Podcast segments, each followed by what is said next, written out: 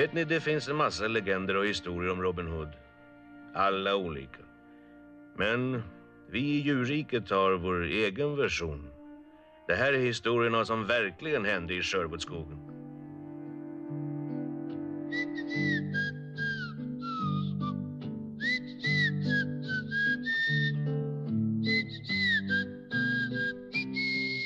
Nej, men då är alla hjärtligt välkomna till ännu ett avsnitt av podden Fulkultur där vi pratar om ja, kulturella pärlor som film, spel, serier, tv och ibland gamla legender. Sådana där grejer som eh, jag vet inte, historiskt sett kanske inte alltid har varit jättehögt i kurs av typ Illuminati och maktens män, sådär, elitan.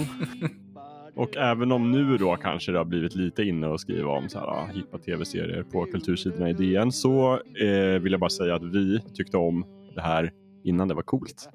Det är därför podden heter Fulkultur som en liten ironisk känga åt Illuminati. Mm. Eh, jag skulle vilja hälsa min panel välkomna idag igen. Tackar. Gu- Gustav, känd från... Vad är du känd? Kanske? ja. känd från FZ kanske, vad ska man säga? Ja, Ja. Kanske. Det är väl där jag har gjort mest... eh, mest eh, Mest skada. jag har gjort mest skada, exakt. Det var där du gjorde, gjorde entré i mitt liv i alla fall. Mm. Nej men det är väl där jag, eh, det är väl där jag haft mina, mina mesta och flesta publika inslag i det publika. Liksom. Nu jobbar du mer som den här grå eminensen bakom, bakom gardinen. Precis. Och så är det Andreas Eklöf också som vanligt, kallad Lövet. Också känd från, från Geeks. Ja, vi är vi Geeks eh, Illuminati. Mm. Ja, men kul att ni är med båda två. Kul att vara med. Vad kul att du är med Jakob. Du också. Ja, eller hur? Ja. Jag är nästan alltid med faktiskt. Den ständige programledaren. Mm. När det börjar bli jubileum och sådana grejer, då brukar alla räkna ihop, alla tuffa poddar alltså i USA, de brukar ju alltid räkna ihop så här, vem har varit med i flest avsnitt och sådär. Vem varit med i näst flest och sådär. Då tror jag jag ligger ganska bra till ändå. Det tror jag Mm, också. Ja. Det skulle jag tro. När var det första avsnittet gick? eh, av Fullkultur? Eh, jag vet inte, men jag kan, jag kan kolla det jättesnabbt. 2016? Säkert, säkert. Det var flera år sedan i alla fall. Och det var inte, ja men det var nog 2016 kanske. Det är helt otroligt. Ja, om postapokalypsen. Vi ska se här. Och ni börjar, börjar ljust och härligt här. Ja, gick ut starkt. Gissa vem som kom på det ämnet? Ja. Jocke kanske? Ja, det var Jocke såklart. Ja. Eh, Men hörni, wow, 25 november 2015. Oj, November till och med. I, ja, oj, oj. Precis. himla tidigt. Men då förstår jag varför, för, eh, om det nu var Jocke som höll i tyglarna så förstår jag varför det inte var, då hade ju Witcher 3 varit ute i ett halvår typ. Ish. Ja, exakt. Ja, Precis. för fyra månader. Men eh, han, jag tror han spelade först efter ett år. Han, han, han gillar ju att vänta in alla sådana patchar och DLC. Annars hade det varit den givna kandidaten. Just det, precis. Men det har nog faktiskt inte varit något renodlat Witcher-avsnitt. Nej, men så vi har så säkert Nej. smugit in det i 50 avsnitt sedan det släpptes. Ja, och jag vet att vi hade något ganska tidigt avsnitt som handlade typ om mörk fantasy eller någonting. Och det var väl, det var väl Jockes ursäkt för att trycka in så mycket Witcher-referenser som man bara kunde, kunde. Ehm, nu ska vi se. Hörni, vi har ju ett ämne idag som jag snart ska presentera. Men jag tänkte vi kan ju också börja. Vi har fått in eh, en eller två lyssnarfrågor som vi ska besvara. Åh, Jag tänkte också att vi kunde börja med det här vad checka in. Vad har vi gjort sen sist? det låter jättebra. Om ni vill. Ska jag Ja. börja till och med? Ja, men gör det. Yngst går först. Eh, vad har jag gjort? Jag har kollat på Friends Reunion. Har du gjort? Ja, fy fan. Alltså, det, det lät ju dummande. Du menar bara så här, alla verkar ha hunnit göra det utom Mm. jag. Inte jag, eh, men jag är inte så jätteintresserad, kan inte påstå. Nej, det var otroligt härligt. Jag hörde att de var väldigt eh, botoxade och fina. Ja, alltså jag tror att det är nog inget, eller det är det väl, men det blir så tydligt med just vännergänget med botox. Och jag undrar om det Mm. också blir jättetydligt för att man har både, eh, alltså Courtney Cox eh, är ju, har ju supermycket botox. Mm. Hon ser ju inte alls ut som hon gjorde back in the days. Medan Lisa Kudrow ser ju helt naturlig ut. Så det kanske är det också att eh, det, det är sådana kontraster inom gänget också. Men det är ju svårt, det är svårt att inte tänka på det. Shit vad stelarna är i fejan. hela bunten nästan. Men ja, det, det var supermysigt. Det är verkligen uh, bara fanservice. Mm. Uh, Men kändes det äkta liksom? Kändes det som att det var riktiga känslor där? Oh ja. Det var, um, jag, jag ska också erkänna att jag trodde väldigt länge att de skulle göra ett, ett avsnitt liksom. Ja. uh, så jag fattade bara först dagen innan det släpptes att det var nästan två timmar alltså dokumentärt och uh, intervjuer och panelsamtal. Mm. Liksom. Så det var superhärligt. Uh, uh, som feel good piller nu i det som förhoppningsvis är svansen på den här pandemin. Vilken härlig liten karamell ändå. Verkligen. Jag har också precis, jag har tittat ganska mycket, strö, strökollat på vänner nu på sistone. Ganska mycket. Um, men det var, det var jättehärligt. Det var lite sån smask också. Saker som de berättar nu som man aldrig har fått riktigt höra från komma från deras munnar. Och, mm -hmm. uh, lite knäppa inslag. De, de släppte en diger lista på kändisar som skulle medverka. Ja. Jag tror det därför också, det var när jag fortfarande trodde att det var ett, ett vanligt avsnitt. Och så såg man bara den långa listan. David Beckham, Justin Bieber. Eh, och då tänkte jag fan, nu, de kommer att, det kan inte bli bra det här. Det kommer att visa sig att Ross och Rachel har fått en dotter och Ross är jätteneurotisk för att dottern dejtar Justin Bieber. Och, eh, sådär. Men eh, de, de dök ju upp som, som fans och hade olika, olika roller i den här reunion. Men var det gamla, gamla vänner kändes det med också? Typ så här Tom Selleck? Tom Selleck är med, jajamän. George Clooney och de här? Uh, Brad Pitt? Men det är, det är också, eh, inte Brad Pitt eller George Clooney tyvärr. Nej, okay. de, men de, de tog sen upp till Tom Selleck-nivå på, på de som medverkade. Men det är någonting lite, lite pacing issues. Uh, det kunde gott ha varit typ två och en halv timme istället och att det fick andas lite mera. För att det blev lite mm. sådär, mm. här är Tom Selleck i två sekunder och så vinkar han och, och sådär. Sen fattar jag att eh, de fick ju såklart en, en hel dag eh, med allting. Men det kändes lite stressat, som att jag skulle vilja ha till avsnitt. Förutom det var det skitbra, verkligen. Mm. Men det där eh, irländska farbror-mimen, eh, eh var det någonting du reagerade med Matt LeBlanc under, under serien? Alltså, förlåt, ta det där igen. Det, det har ju blivit en irländsk farbror-meme runt Matt LeBlanc okay. i serien. Har du missat den? Det, det är det enda jag har sett från, från den eh, reunion. Det så här, ja, han, han säger olika så irländska farbror-grejer när han sitter, sitter i en pose. jag, jag har ingen aning vad det handlar om. Jag har bara, jag har bara sett uh, det är massa som delar det olika typer av memes eh, där han sitter i en pose och säger olika irländska saker. det är helt mysigt. uh, nej men det var härligt. Men uh, uh, sen efter det i mitt Instagramflöde var det helt, det har bara varit vänner, vänner inlägg överallt. Mm. Algoritmen lyssnade verkligen noga när jag satt där. Um, men det är mysigt liksom att allting kommer tillbaka på något sätt. Eh, så har man kollat på Vänner, vilket jag inte att alla har gjort, så, så borde man titta på den. Eh, mm. Som sagt, en timme och 49 minuter fanservice i princip. Um, ja. Spelfronten. Um, laddade ner Mass Effect Legend Legendary Edition. Um, alltså trilogin i remasterad för att tänja på svengelskan. Remasterad men inte remakad. Nej, upphottad utgåva. Hela ja, trilogin. Ja, ja. Med, framförallt är det väl att alla, alla DLC-paket är samlade på samma ställe nu. Det har alltid varit abel att få tag på, alltså, och dyrt framförallt. Om, eh, så det har ju inte varit så tillgängligt för eh, nya spelare att ta sig till hela trilogin as it was meant to be played.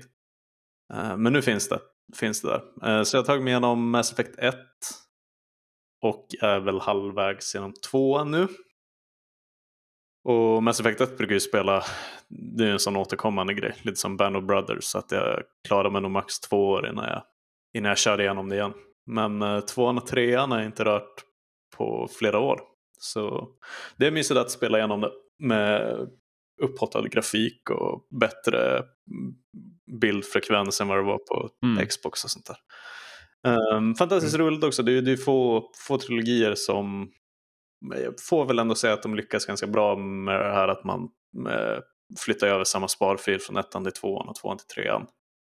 Och även om det liksom, alla får ju mm, för sig genom samma story men det blir en väldigt personlig upplevelse där i, i trean. Um, alltså det, är väl, det är väl egentligen det jag gör på spelfronten. Det har inte blivit så mycket men när jag får någon timme över så, så är det Mass Effect just nu. Um, ja, det är väl det egentligen. Jag kollar på lite, småkollar på lite filmer och sånt där. Men inget som är sådär min tisdagströtta hjärna kan komma på. Fan, det där var riktigt bra. Ja, jo, nej, jag tar tillbaka allt. Jag såg ju världens bästa film för två dagar sedan. Oj. National Treasure. Den är bra. Fan vad den är trevlig. Vad vann den? Var det sju eller åtta Oscars den vann? Nio faktiskt. Nej men den är, jag vet inte ens om jag vill kalla den för guilty Den pleasure. det, är svinmysig, bara, den är. det, är bara, det är bara ett pleasure. Det är bara ett pleasure. Alltså jag håller den, eh, den är där vid typ första Pirates-rullen. Som äventyrsfilm med lite bett från Disney där i mm, bör- början 2000 liksom.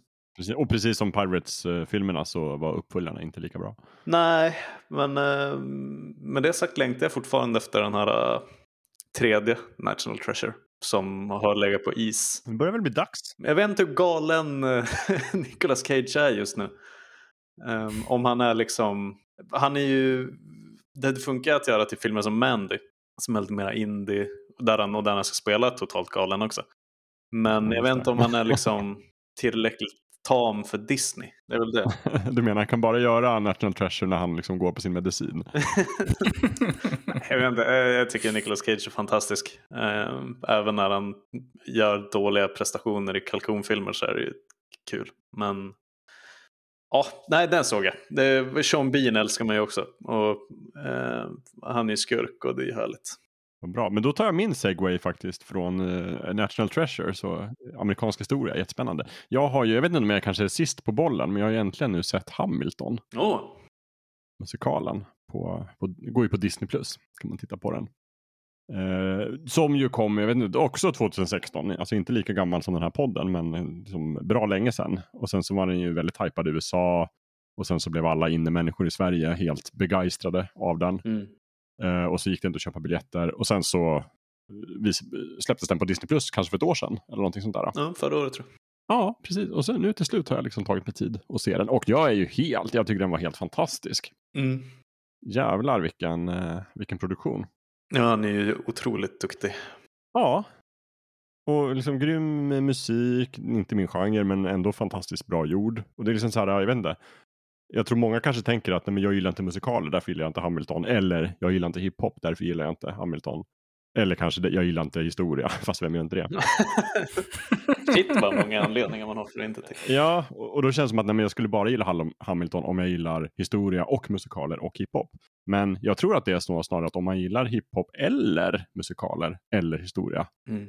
så får man nog ut mycket av den. Och jag tror man kan börja gilla för att alltså, den är så jävla slick och bra. Och, eh, och jag, jag, många säger också att man ska se den, det, de som har sett den live säger så här, det är ing- ingenting att se den på Disney Plus som att se den live. Såklart. Men jag tror att det finns fördelar med att se den. För jag tycker de kan ju liksom röra kameran mycket mer och man kommer liksom nära eh, skådespelarna och sångerna. Jag tyckte det var, liksom, den var otroligt snyggt filmad. Mm. Så att jag, I beg to differ. Jag ser den gärna på Disney+. Plus. Men det är också någonting eh, man kan kolla på den nästan bara eh, du vet när man fastnar för ett sånt klipp när någon jonglerar 48 bollar samtidigt. För att det bara är häftigt. Ja, Det triggar någonting i reptilhjärnan. Det är ju någonting med hur rapptexterna och hur snygg scenografi och koreografi det är på det också. Det, är det, han, är ju, Mm. det finns ett klipp med Lin-Manuel Miranda på eh, någon talkshow. När han bara från minne börjar sjunga på en av de snabbare verserna. Och kan liksom Mm. allt utan till. Han har ju framfört den hur många gånger som helst såklart. Men det Mm. är otroligt fascinerande hur duktig man kan vara på det man gör. sen har han ju skrivit den också. Det, Ja men exakt, alltså att, han bara, att allting sitter så, så bra. Jajamän. Ja, han jobbade ju på den i sju år. Det var väl värt mödan. Mm. Men det är ju snart sju år sedan han hade premiär, så att han är snart måste han vara klar med nästa. Mm. Ja, men det har jag gjort i alla fall. Det var faktiskt det enda. Jag har inte hunnit med något annat, men det räcker bra. du då, Andreas Eklöf? Jag har tagit tips från en kollega som tipsade om en, en serie som handlar om 11 september-attentatet mot två kända torn i USA. Mm. Som helt hade flugit under min radar. Eh, jag har ju sett massvis med dokumentärer och sett några filmer ehm, eh, om, om det dådet och filmerna har varit okej, okay, men det är inget som har imponerat på mig. Um, så tipsade en kollega om den här Amazon Prime-serien The Looming Tower. Mm. Uh, den är jättebra. Det är typ en säsong. Den är supertight och välskådespelad och så, uh, spännande. Jag tänkte bara, okej. Okay. Uh, efter september-serie som faktiskt är bra, det, det trodde jag inte fanns. Uh, så började jag titta på den och uh, ja, får ge en, uh, en ryggdunk till kollegan där. Det var ju en spot on rekommendation. Eh, den är från 2018 och har Jeff Daniels, oh. eh, Peter Sarsgaard och en viss Tahar Rahim som vi har pratat om i The Serpent. Aha, eh, han är med i The Serpent. Eh, två avsnitt tror jag vi pratar om The Serpent. Nu får vi chansen att nämna det igen. eh, men den, den, är, den, är, den är, precis som kollegan sa, jättetajt berättad, eh, jättebra skådespeleri inget sådär amerikanskt flaggviftande och oh, eh, araberna är hemska onda människor, utan det är mer, mer fokus på eh, de här kommunikationsproblemen som fanns inom amerikanska myndigheter som, eh, som jobbade med den frågan och eh, varför de inte agerade tidigare på information de ändå hade. Och, det var så här, och de, de, ibland kopplar de in eh, så här, klipp från, från verkliga livet, från det som hände på den tiden. Eh, och, och, det har varit flera gånger jag har suttit och tänkt att ja, men det här är ju det här är ju förstärkt. Det, det, det, ska ju baseras på verkliga händelser men det här är liksom förmodligen förstärkt för att det ska vara en bra serie. Så har de klippt in de faktiska klippen från, eh, från intervjuer och liknande som eh, kongressen gjorde med eh, inblandade. Och det är verkligen liksom ord för ord nästan exakt som dialogen i, i scenen som har varit tidigare i det avsnittet. Det är så här, ja, det, det var inte så jättebra eh, där alla gånger. Mm. eh, så det, den, eh, den kan jag varmt rekommendera. Det, är, det, är det en miniserie eller en liksom? Nej, nej, det, vad är det, om det är tio avsnitt, jag kommer inte ihåg. Mm. Men eh, ja, det är en, en, en säsong men en, en normal lång säsong. Och det är ju typ en timme långa avsnitt har jag för mig. Så inte riktigt en miniserie. Men den är, den är jättebra, så ni som har Prime eh, borde se den. Den är, den är klockren. Och sen i spelväg har jag spelat eh, ett visst Returnal på Playstation 5. Ett eh, roguelike spel av, eh, av den fantastiska studion Housemark. Eh, där eh, du, eh, du spelar en, en person som eh, kraschlandar på en eh, vad som verkar vara en utomjordisk planet och så ska du eh, gå igenom Eh, du ska överleva på den här främmande planeten och sen så dör du och sen får du starta om eh, och så eh, låser du hela tiden upp eh, nya eh, verktyg som låter dig komma lite längre fram. Och liksom, det är jättesnyggt. och den här roguelike mekaniken med att du, du, klar, du tar dig lite längre och sen så får du börja om från början och då blir du jättefrustrerad och sen så klarar du någonting som gör att du börjar att ah, nu, nu jäklar, nu, nu gör jag framsteg. Och så får du börja om från början och så blir du jättefrustrerad och så, ja, upprepas den cykeln. Men eh, de har gjort det, de har fått till den formen jättebra för många andra spel om jag, om jag hade tvingats göra om mycket av det jag har gjort om i det här spelet så hade jag nog slutat spela faktiskt. Men de, de lyckas slå an den strängen så att man, ja, men jag gjorde ändå lite framsteg. Och eh, jag klarade den där bossen så nu, nu kan jag ta mig vidare till nästa område och kanske komma lite längre och, och låsa upp någonting nytt så att jag inte, inte börjar om på noll i samma utsträckning som jag gjorde det, den här omgången. Så, här. så att, eh, ja, det, det är sjukt bra. Sjukt frustrerande och sjukt bra. så om ni, gillar, om ni gillar roguelikes och har lyckats få tag på en Playstation 5 så kan jag varmt rekommendera. Jag har inte fått tag på en Playstation 5, men jag har sett eh, någon sorts trailer på det här spelet och det verkar ju grymt faktiskt. Mm.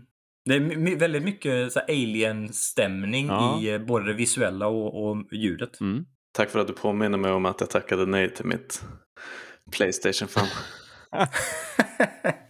Ja, du tryckte på nej tack-knappen. Ja, och tänkte äh, nu har det väl lossnat. Oh, det gjorde jag också. Jag bara, nej men jag kommer ändå inte in och spela den här våren. Nej, exakt. Och så jag, nej nej, jag kan hämta ett sen. Och sen läser man i tidningen, bara, kommer vara brist på dem i tio år. Kommer aldrig få något. Men jag har en fråga, ni som är lite mer insatta i gamersvängen. Varför heter det roguelikes?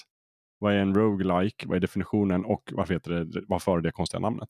Ska jag göra det ännu svårare för dig? Ja. Det finns både roguelike och roguelite. Fan. Mhm. Finns det rogue då? Mm. Ja, då är det logiskt. Men det är ju en, eh, en, en spelserie. Aha, ungefär som Metroidvania. Ja, precis. Mm. Det baseras på det konceptet. Jag fattar. Det där är ett, eh, det där är ett souls, ett souls-like. Det har rätt påminna om Dark Souls. Nej, men alltså det enda, det enda man behöver veta egentligen utan att ha koll på original Rogue är ju att man, när man dör så får man börja om. eh, så är det liksom en sån live, die, repeat cykel. eh, när man hela tiden försöker ta sig, lite som det var back in the days på arkadhallar. Att, eh, Just det, är alla, alla spel var roguelikes. Nej, men det har blivit alltså, väldigt poppis. Det är ju lite ovanligt med sådana AAA roguelikes som Returnal. Mhm. det, annars är det en otroligt poppis serie i indie-svängar. Ja, nej men precis. Det är väl därför det har fått lite kritik också för att det är ju, det är ju ot- ovanligt svårt eh, för att vara i liksom, AAA-svängen. Det där med att du, om, om du dör så får, du- kan du, och du inte har låst upp någonting bestående, så bör du verkligen någon från, från noll. Eh, och, och den sortens svårighetsgrad är ju inte vanligt bland AAA-titlar som Mm. du säger. Nej.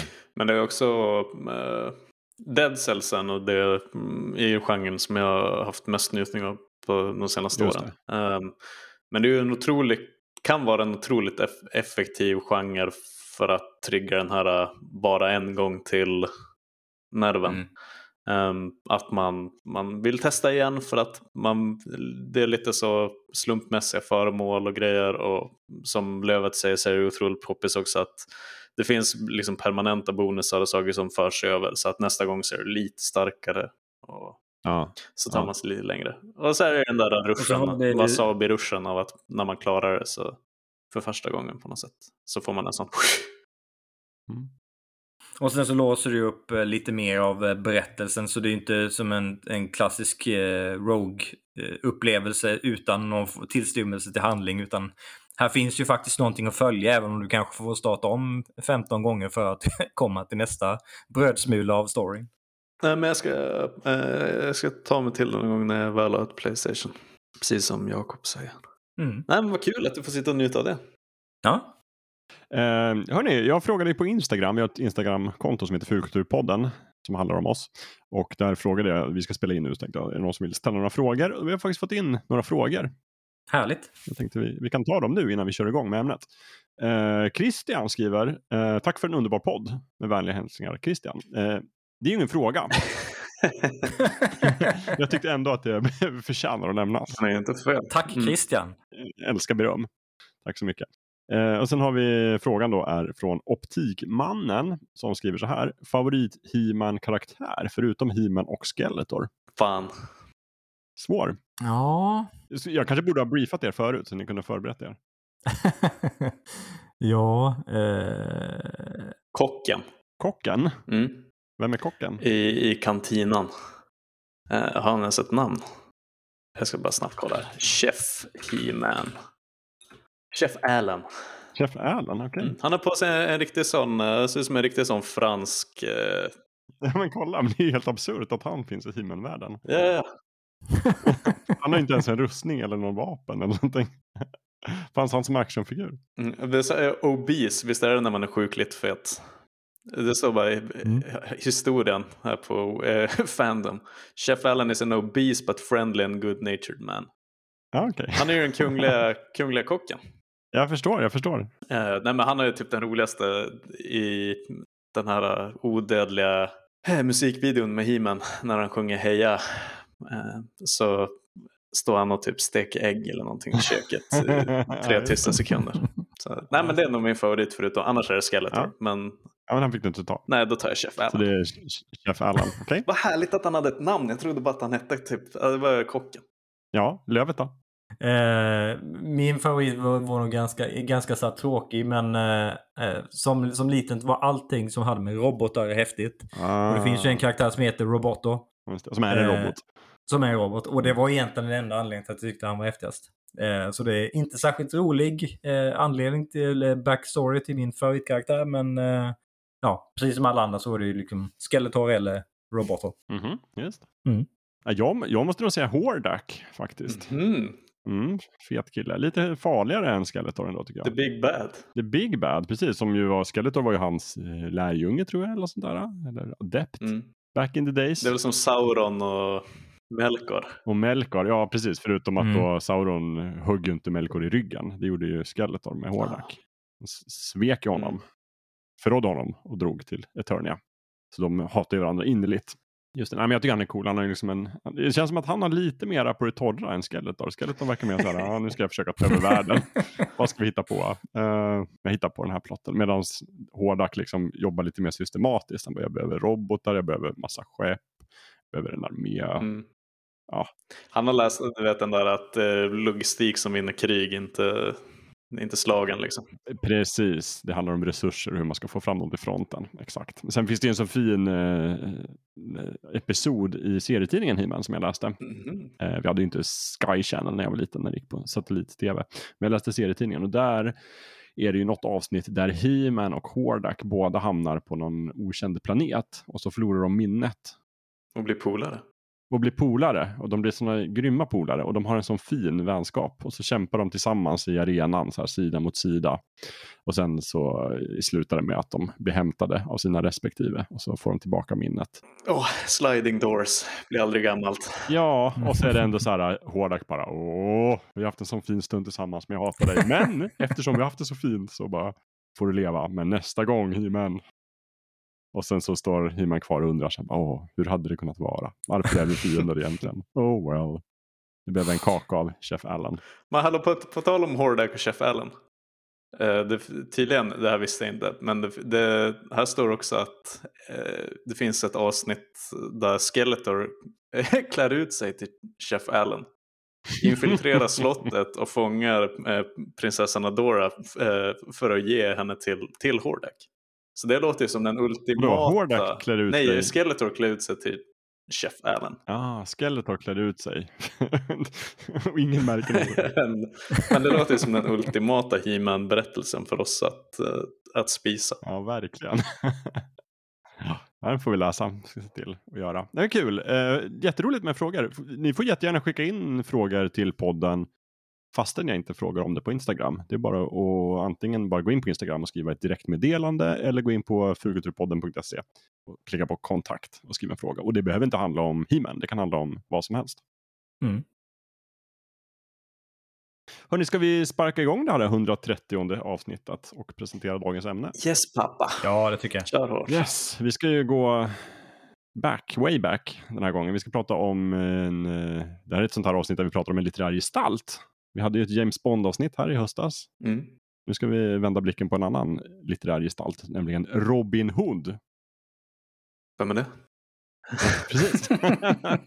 ja, nej, men jag, jag, trodde, jag trodde att alla skulle veta vem Robin Hood var, men du, du är så ung. Är nej, nej. Men jag ska snart låta er presentera själva liksom, in, vinkeln från hur ni kommer in i Robin Hood-sfären. Men jag kan bara berätta att för mig, jag hade i alla fall en extrem Robin Hood-period när jag var kanske 12-13 år. Mhm. Ungefär som folk har en sån här dinosaurieperiod. Så hade jag, jag hade en dinosaurieperiod också, men jag hade också en Robin Hood-period. Som jag inte riktigt vet var den kom ifrån. För att, jag brukar ju alltid fråga så här, men hur mötte ni det här eller det här? Men just med Robin Hood så vet jag fan inte. Det har alltid funnits för mig på något sätt. Även om man såklart har liksom små minnesbilder. Jag menar jag fick ju det här eh, riddar-lego. Där hade man ju en fraktion som var fredlösa. Som var typ väldigt mycket Robin Hood lookalikes. Som sprang omkring med pilbåge och bodde i skogen och sådär. Mm. Och sen fanns det ju såklart Disneys Robin Hood och det fanns eh, böcker om Robin Hood och det var väldigt mycket Robin Hood. Men alltså jag vet inte, den har bara liksom alltid legat och böljat där i mitt, min fantasi på något sätt. Så jag var väldigt, väldigt förtjust i Robin Hood. Så är det. Så jag tänkte vi skulle liksom gräva lite och kanske lyfta fram främst liksom filmer, böcker, spel. Liksom jämföra med varandra.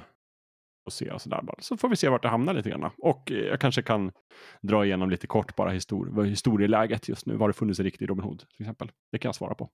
Jag hade ingen aning om att du hade en sån intensiv Robin Hood-period. Nej, du kände inte mig när jag var 12 Nej, men jag tänkte att det var annat. Det känns som att vi har, vi har pratat så mycket om den tiden i alla våra liv. Att Ja, aldrig har men jag kanske upp bara- tidigare. Jag kanske ljuger lite, jag kanske var lite yngre. Kanske inte var 11, 12, jag kanske var mera kanske 8, 9. Mm. Sådär. Jag, var, jag gick i alla fall i lågstadiet. Och det var, jag, det var inte som att jag sprang omkring med en långbåge och gröna kläder liksom, på stan. Men du tänkte ständigt. Ja, men jag lekte jävligt mycket med liksom, lego med alltså, fredlösa. Och sen eh, hade jag något brädspel som hette Robin Hood. Där man fick liksom spela. Det var alldeles för avancerat för en åttaåring. Men det var fina bilder man kunde titta på. Och liksom läste Howard Piles glada äventyr. Robin Hoods glada äventyr och sådär.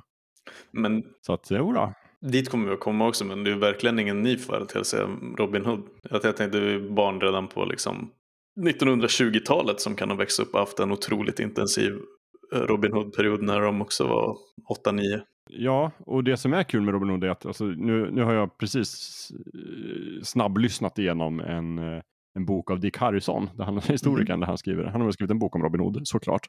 För vad han inte skrivit en bok om. eh, som heter Mannen från Barnsdale. Och den var faktiskt ganska bra. Eh, Dick Harrison är ju inget om inte självsäker. Så han har berättat för mig exakt hur det var. Eh, om forskningsläget och sådär. Och enligt honom så är ju Robin Hood ganska unik i att det var faktiskt Alltså han, Robin Hood nämns ju i liksom ballader från typ 1300-talet och redan då är ju liksom Robin Hood ett namn som man kan slänga sig med och bara utgå från att personen man pratar med ska veta vem det är. Vilket är helt sjukt, så redan då var han liksom, alla i England visste så här, ja Robin Hood. Och liksom Shakespeare namedroppar Robin Hood i sina pjäser och man förväntas veta exakt vem Robin Hood är och sådär. Sen har ju legenden såklart förändrats då och då med liksom århundraden, men den är gammal kan man ändå säga. Ja, den, och den lär ju överleva. Oss. Eh, Det har, ja. Un- Universums eh, värme, värmedöd, eller vad säga. Och, och just den här eh, tiden på 91 så kom ju Robin Hood Prince of Thieves som också var ganska viktig för mig liksom i fulkulturutbildningssyfte. Och idag är det faktiskt 30 år sedan som den filmen kom. Så då tänkte jag också det här är det perfekta tillfället att liksom bara dyka in i den här fredlösa frihetskämpen. Snyggt. Snyggt, eller hur? Allt, allt faller på plats. 30 års också. 14 juni hade den någon sorts urpremiär. Wow, grattis säger vi då. Så då kan man gräva fram Prince of Thieves på valfri strömmande tjänst och så kan man spisa det och, och tänka, är det här den bästa Robin Hood-filmen eller inte? Jag lämnar frågan öppen. Man kan också tänka på hur, hur nöjd eh, Brian Adams måste ha varit. Han älskar ju Robin Hood. Mm.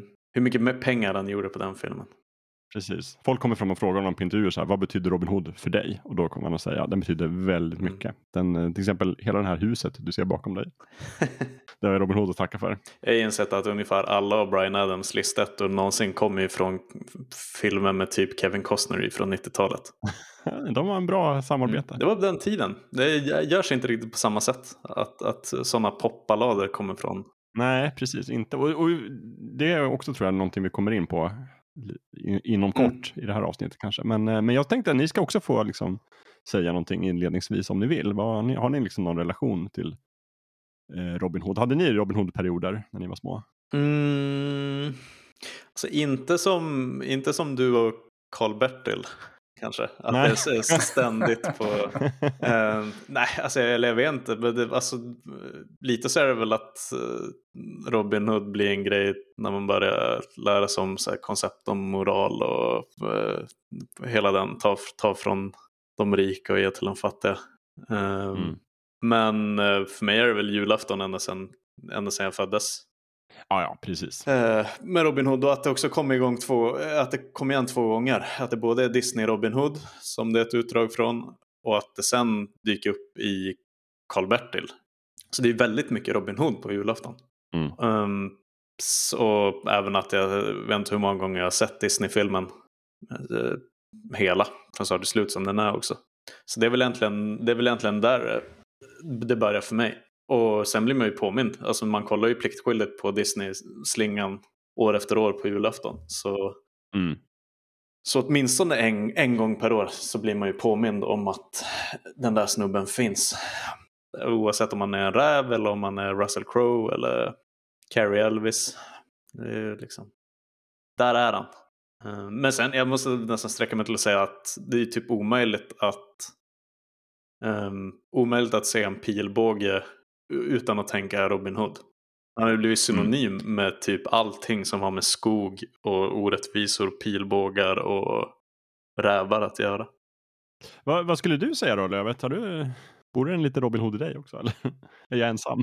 Nej, det, alltså som, som liten så var, var det ju bara Disney, Disney-filmen som jag eh, hade som referenspunkt till, eh, till Robin Hood. Men det, det var ju en sån kulturell eh, ett kulturellt fenomen om man, om man pratar om orättvisa och tar från, de rik, eh, tar från de rika och ger till de fattiga. Det var ju liksom det, det är den här kategorins Robin Hood. Det, man behöver inte säga mer än det är deras Robin Hood. Då förstår alla liksom vad man menade. Mm. Men det, det, var, jag tror inte det var förrän Prince of Thieves som jag liksom fastnade för Robin Hood som eh, kulturellt fenomen. Eh, för innan dess var det bara den där Disney, Disney-filmen och den, den såg jag mer som en Disney-film som, som liten. Eh, men med Prince of Thieves, då, liksom, då, dels så tycker jag att den, den är väldigt charmig och bra. Och, dels så lyfter den ju verkligen fram eh, att Robin Hood i sig är en, en, ett stort kulturfenomen. Ja. Eh, och, och, och, jag hade kompisar på mellanstadiet som, eh, som också var stött förtjusta i den så vi tittade på den tillsammans. och så, där. så det, var, det var egentligen där som Robin Hood gick från att bara vara liksom, något, något sånt där kulturfenomen i bakhuvudet till att bli någonting som jag jag ändå följde. För liksom, efter det har jag ju tittat på alla filmer som har släppts. Mm. Alltså, uh, förlåt, vad sa du? Disneys Robin Hood? Eller? Nej, eh, Nej Prince. Prince of Thieves. Ja, just ja. det. Ja, precis. Uh, för det, det, släpptes ju en, en, annan film samma år.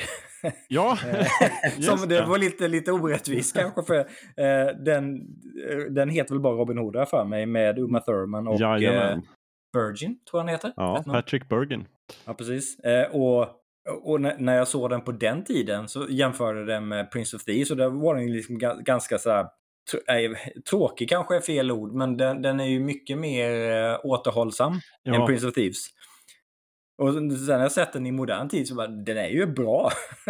vad, orätt, vad orättvist att den släpptes samma år. Ja, men den har ju till exempel inte ett ledmotiv skrivet med Brian Adams. Nej, det har den inte. För att liksom jämföra skalan på dem. Men, men jag har faktiskt, jag såg den också nyligen.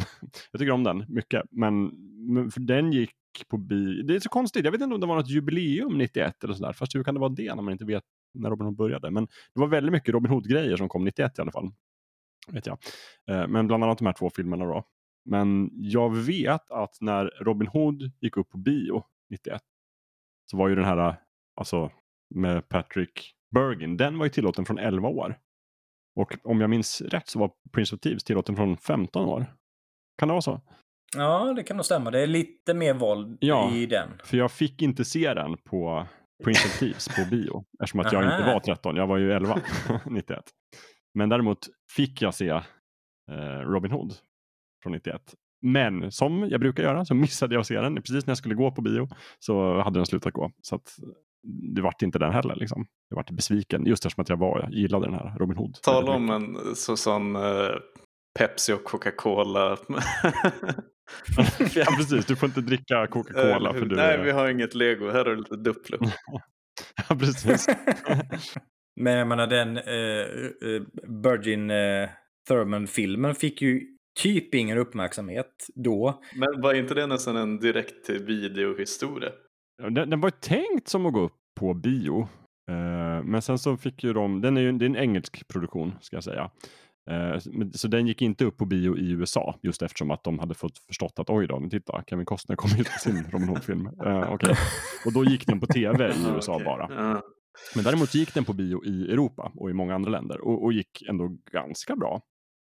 Men den, den, hade ju en budget som var kanske en tiondel av Prince of mm. Thieves också. Så det är väl mycket mm. det. Men det var väldigt många som var inblandade i båda produktionerna. Alltså så här, typ, eh, inte vet jag, dekor, nissar och kostymnissar och de här som jobbar bakom kameran. Som liksom egentligen bara flyttade från den första produktionen. Sen jobbade i slutet på den andra. Och den, jag tycker den är rolig ändå, den här. Nu hoppar vi rakt in i 91 och börjar prata om Patrick Burrin, Robin Hood. Men det är helt okej. Jag tycker till exempel Uma Thurman är jättebra. Mm. som Marion. Den är, och den är ju som du säger Lövet, den är ju lite mer sådär, inte humoristisk, men den är lite skojfriskare. Alltså han spelar ju den här klassiska eh, Errol Flynn Robin Hood. Mm. Ja, han är ju han är en del av adeln Ja, innan han ja. eh, blir, hamnar i onåd med, eh, med, med just adeln och, och förpassas till skogen. Precis, men, men just att så här, Patrick Bergin står och liksom skrattar nästan i varje scen och liksom han tycker om och liksom skojar med sheriffen och hittar på sina, sina plotter och sådär. Och Kevin Costner är ju lite mera Kevin Costner om man säger så. han är lite mera träig kanske. Ja, men det, det känns som att den är typ som ett mellanting mellan Prince of Thieves och eh, Russell Crowe-filmen som är alldeles för allvarlig och eh, Ja. Liksom, Det där ska vi käfta om alldeles strax. Det där ska vi slänga käften senare. Jag, jag, har ju, jag tror jag var tydlig med det i podden innan att jag gillar inte Russell Crowe som Robin Hood. Jag vet inte hur många gånger vi har pratat om det här i i Slack och säkert i podden Ja, också. det är en- det, Det är en, det är en följetong. det, det är en kulle jag äh, tänkt döda er på om en kvart. Mm. Men, men jag, kan, jag kan börja liksom egentligen bara lite från början och säga att många av de här grejerna, nu pratar vi redan om så här, vad, hur, hur de två filmerna skiljer sig och att, så här, att den ena är mera så här, riktiga Robin Hood, att han är en adelsman och så vidare. Det, det, det är många av de här grejerna som vi tycker är självklara i Robin Hood-myten som är väldigt sent tillkommet. Mhm. Inte riktigt i Prince of Thieves kanske, men, men absolut på 1900-talet. För om man tänker från början så, så var han ju inte ens i Nottingham. Om man tänker de gamla balladerna så hänger han ju uppe i Barnsdale, uppe i York istället, långt norrut i en Mm. skog och jobbar med andra sheriffer och liksom gör andra tokigheter. Och sen så i alla fall så hävdar ju Dick Harrison att det blev en sån himla bra story. Förmodligen, Dick Harrison hävdar bestämt att det har funnits en person som heter Robin Hood. Det har funnits flera faktiskt. Men det har framförallt funnits en som var verksam någon gång på 1300-talet. Som var verkligen en bandit och han var inte en sån här äh, godhjärtad bandit som stal från de rika och gav till de fattiga. Utan det är någonting som har kommit till långt senare. Um, men det fanns i alla fall en figur som heter Robin Hood. Och det fanns en sheriff i Nottingham och eh, de höll på. Och sen så har den legenden, det är många andra små legender och liksom berättelser har tillkommit och då har de liksom lagt till den på Robin Hood-myten. Eh, Många av de här sidokaraktärerna har egentligen kommit från andra grejer och många av de här upptågen som Robin Hood hittar på, typ att han klär ut sig till en, inte vet jag, en tiggare eller vad han brukar göra. Det är egentligen andra myter som de liksom, det här passar bra i Robin Hood-myten. Så lägger man till den och sen så sjunger man ballader om det i 200 år och sådär. Så, så går det. Och sen är det egentligen på typ 1600-talet som man börjar trycka liksom litteratur med Robin Hood. När man liksom, för att man hade upptäckt boktryckarkonsten. Mm. Och då är det ju väldigt mycket så här, då är han ju ingen egentligen medeltida fredlös, utan då utspelar ju sig det i 1600-talets England och han klär sig som en 1600-talsmänniska och sådär. Så att hela den här grejen med att Robin Hood går runt i liksom Rickard Lejonhjärtas tid på 1100-talet och att han skulle vara korstågsfarare och sådär. Det kom man på på typ 1800-talet. Någon bara b- plusmeny på plusmeny. Ja, precis. För sen just 1800-talet då började man liksom ändå ganska noggrant forska om Robin Hood. Då var det så en, en Robin Hood-period. Tidigare hade man forskat kanske på de här gamla balladerna och liksom, ah, vad, vad säger den här balladen? Men nu, nu började han också liksom ta fram, det var, jag kommer inte ihåg vad forskaren heter. Läs Dick Harrisons bok så får man det namnet. Men han började liksom jämföra ballader med varandra och kolla så här, ah, vad säger de för ortsnamn och var är den här skriven och hur hänger de ihop och så där, lite mer grundligt arbete. Och då kunde de liksom placera mycket av de här Robin Hood-myterna på olika ställen i England och liksom göra någon sorts karta. Och där kommer ju den här författaren, Sir Walter Scott, in med sin fantastiska roman Ivanhoe som kom 1819. Mm. Där ju, där ju ja, men som vi ser på nyårsafton varje, varje år. När Sam Neill blir ovän med hela svenska folket. Ja, när Sam Neill spelar Sir Brian de Bois Gilbert och är ond. Och John Rice Davis spelar också ond men också fryntlig riddare Sir Fronte Buff. Men då är det ju i alla fall eh, en person som heter David Robb som spelar då Robert Loxley som visar sig vara Robin Hood. Och där tror jag egentligen det bara är i liksom filmatiseringen som man faktiskt måste säga ut så här rakt ut. PS, jag är Robin Hood i slutet. Men i, i boken så är det lite mer subtilt. Där heter han ju bara Rob, Robert av Loxley. Um, och därifrån kommer liksom hela den här myten om att typ Robin Hood skulle vara en, till att börja med att han skulle vara en saxisk frihetskämpe som kämpar mot normanderna. Att han, är- hela den här att han är en, liksom en nationalistisk hjälte och liksom Mm. kä- kämpar för de de rättrådiga engelsmännen. Som... Han har haft olika namn också. Robert of Loxley, Robert Hode. Väldigt många sådana. Och, och, just det här att han var av adlig släkt, det kommer också någonstans därifrån då. Eh, runt, runt någon gång på 1800-talet. Och då har han dels pratat om honom som Alltså när Sir Walter Scott pratar om Robert of Loxley så är han inte en adelsperson utan då kommer han bara från byn Loxley. Mm. Och det är hans alias mera. Eh, men sen börjar ju folk skriva honom att han är en Earl of Huntington eller något sånt där. Är det mm. ganska vanligt också. Och då är han ju den här liksom, adelsmannen som blir av med sitt gods för att han, inte vet jag, kommer i onåd oftast på något sätt med, med någon av maktens män. Mm. Och han är även Sir Robert Hode också, också adelsman. Och, och, sen har ju liksom folk plockat lite allt möjligt och många av de här senare filmerna. Jag skulle ändå säga att det är liksom filmerna som har tagit över det som balladerna gjorde förut. Att nu är det liksom filmerna som är ansvariga för att liksom föra någon sorts Robin Hood-idé vidare och sen ändra den lite och plocka lite här och lite där. Men de har ju verkligen tagit det här eh, korstågsspåret och sprungit med det. Men det kommer egentligen från Ivanhoe. Det är egentligen riddare Ivanhoe som är hemkommen från korståget mm. i, i den boken. Men sen har ju liksom i, i, i, Prince of Thieves till exempel, där är det ju Robin Hood själv som är gammal korstågsriddare. Som har kämpat med Rickard Lejonhjärta och kommer hem till, till gamla England. Så det är lite intressant att väldigt, väldigt mycket kommer från 1800-talet, även om myten är skitgammal. Vad föredrar ni? Föredrar ni när den uh, Fuck the French Robin eller uh, liksom Fuck the Sheriff Nottingham? ja, men, och eh, Prins John ju... kanske. Ja, precis. Ja, men de går ju lite ihop. Det finns ju, man kan göra någon sorts vändiagram där liksom. Mm. Fuck the French och Fuck the Sheriff. Båda i mitten av dem står ju prins John. Mm. han kan ju alltid få en släng av sleven. Men det är inte så mycket, det är inte så mycket franska, franska djur i eh, Disney, Disney-versionen. Så jag, jag tror att det inslaget, Nej. Om, man, om man mest känner igen det genom, genom Disney så. Det är väldigt så liksom, eh, där kretsar det ju verkligen bara kring typ Nottingham och att eh, mm. prins John lever jävel medan brorsan är i... Ja, precis. Just det. Och det är bara på den nivån ja. egentligen. Att, att prins John har tagit tronen när eh, den rättrådiga kungen Rickard är, är borta. de har ju inte alls det här, precis. De har inte det här att de är normander-spåret. Det finns ju inte. Det är sant. Eh, men jag föredrar nog egentligen liksom min favorit Robin Hood är ju ändå liksom ganska mycket fokus på han mot sheriffen i Nottingham och Sir Guy of Gisborne och de här liksom klassiska äventyren. För jag, tycker någon, jag gillar ju väldigt mycket romanen Ivanhoe och även filmatiseringarna av Ivanhoe. Men där tycker jag ändå de täcker in det så bra i liksom, jag, jag tycker gott att det kan vara Sir Cedric och Ivanhoe som håller på med det här äh, saxiska. Där Robin Hood kan vara mer den här liksom, ja, normal frihetskämpe som liksom håller på och skojar sig i Nottingham. Men det är väl det som är fint också med Robin Hood, att det funkar med alla varianter på något sätt. Mm. Men det är väl det som är gött, mm. att det finns så mycket, det finns så mycket att hämta. Ända från mm. eh, 1300-talet eller vad du nu sa. Och det bevisas ju också av att typ alla, så här, alla möjliga politiska rörelser har ju liksom, de, alla kan ju lyfta fram Robin Hood och så här, det här är liksom en hjälte för våra ideal, oavsett om man är liksom höger eller vänster. Alltså allt från så här, högfärdiga aristokrater till eh, militanta kommunister har ju lyft upp Robin Hood och säger den här, liksom, den här personen kan vi titta på, den är väldigt inspirerande. Mm. Så det kan ju vara verkligen både det ena och det andra, även om man lite grann själv per definition är ju liksom fackmakten på något sätt. Så engelska aristokrater som hatar fransmän lyfter fram Robin Hood medan engelska arbetarklass lyfter fram Robin Hood för att de hatar aristokratin. Just det. Nej, men jag, jag, tänker att högern idag, de är glada. Så här, Robin Hood, han kämpar mot ett högt skattetryck.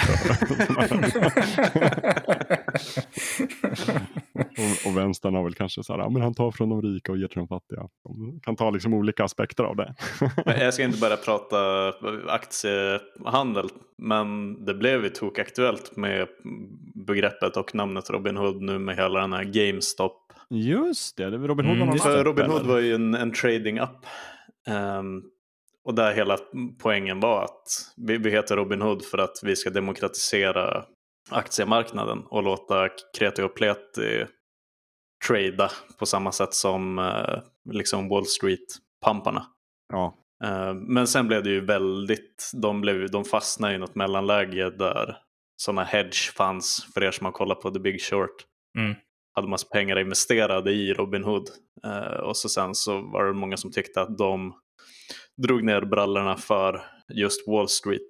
Eh, och då blev det väldigt så ironiskt enligt många att hur kan ni heta Robin Hood när ni gör tvärtom liksom. Eh, så återigen, och att det var så tydligt att Robin Hood är någonting som alla känner till.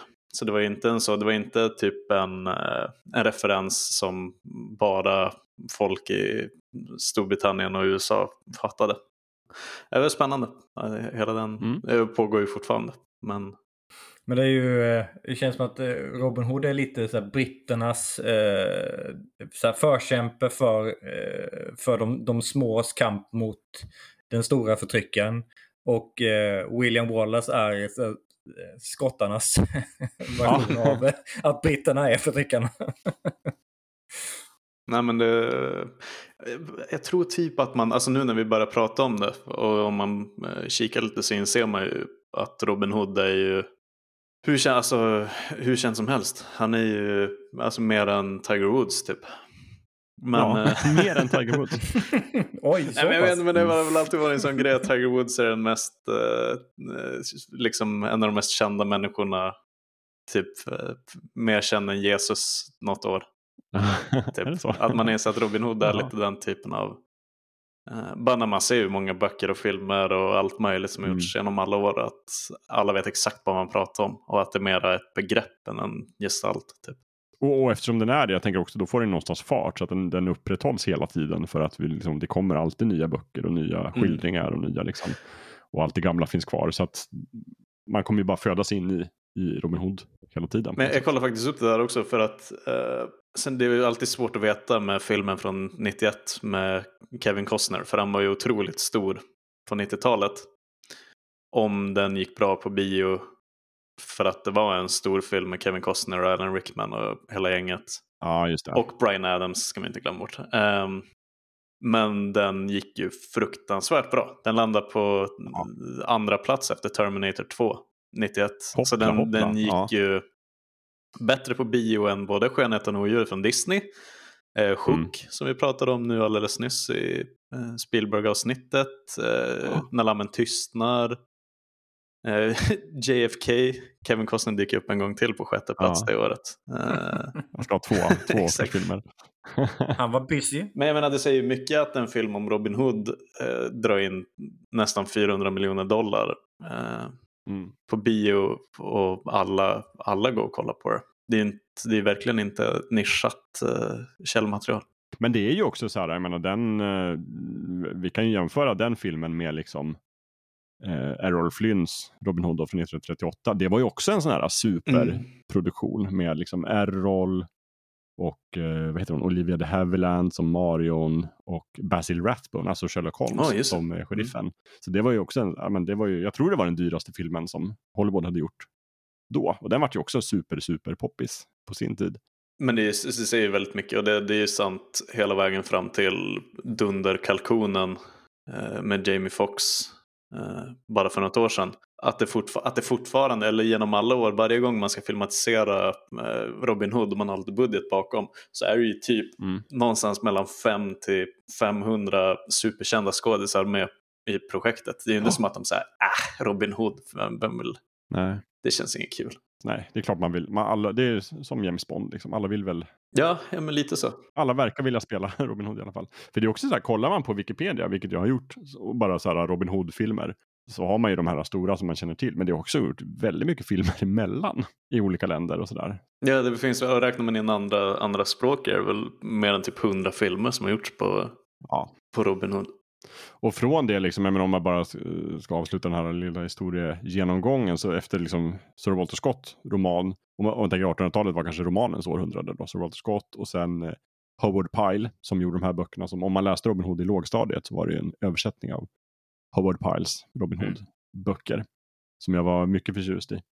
Och sen ganska snabbt då på 1900-talet faktiskt film och då har vi ju Douglas Fairbanks, också det är en dåtidens superkändis mm. med stumfilm. Men både den och Errol Flynn och egentligen hela 40-50-talet så var det ju väldigt mycket den här äh, Sir Walter Scotts bild av Robin Hood som filmatiserades. Det är egentligen först nu på liksom 70 80-talet och 90-talet som man har börjat liksom göra varianter av Robin Hood. Där vi har liksom, jag menar Sean Connery spelade så här en lite äldre Robin Hood på 70-talet. Som ser ut väldigt mycket som James Bond. jag har lite svårt för den filmen just därför, för att det känns som att det är James Bond som är i skogen. Men är för, alltså, för jag har ju fortfarande inte sett den. Eh, men du har sett den nu eller? Ja, jag har sett eh, den med Sean mm. Connery. Eh, det var ganska länge sedan. För det, är väl, det är ju Audrey Hepburn som är Mario. Mario Men visst är det enda jag vet att plotten är typ att han har varit iväg och krigat lite och kommit tillbaka. Precis. till Nottingham. Och då, då har Audrey Hepburn typ blivit nunna under tiden. Och Sean Connery är lite äldre och lite, lite mer bondig. Men så, så, där gjorde man ju ändå någon form av variant. Och sen så på 80-talet så gick ju BBC, hade någon långlivad tv-serie som hette eh, Legend of Robin, nej Robin of Sherwood heter mm. den. Där han ju är lite mera så här eh, mag, nästan en fant fantasyhjälte. Det är väldigt mycket så här eh, pagan magi i det och liksom han har något magiskt svärd som heter Albion och så här. De blandar väldigt mycket så här historisk Robin Hood med fantasy. Eh, och den var ju väldigt poppis. Den kan vi prata lite mer om sen kanske. Och sen så också då 90-talet där liksom Robin Hood började prata med amerikansk dialekt. och sen har det väl bara fortsatt egentligen. Jag menar Ridley Scott, eh, vad man än tycker om den filmen så var det ju också någon form av twist där. Där han liksom nästan twistade tillbaka. Där Robin Hood inte var en adelsperson men låtsades vara det. Mm. Visst är det så Gustav? Ja, den fantastiska filmen börjar ju i Frankrike med att han, då heter han ju Robin Longstride i början och är en uh, pilbågsskytt i den engelska armén. Uh, men den börjar ju med att uh, uh, Rickard Lejonhjärta får en pil i halsen och dör.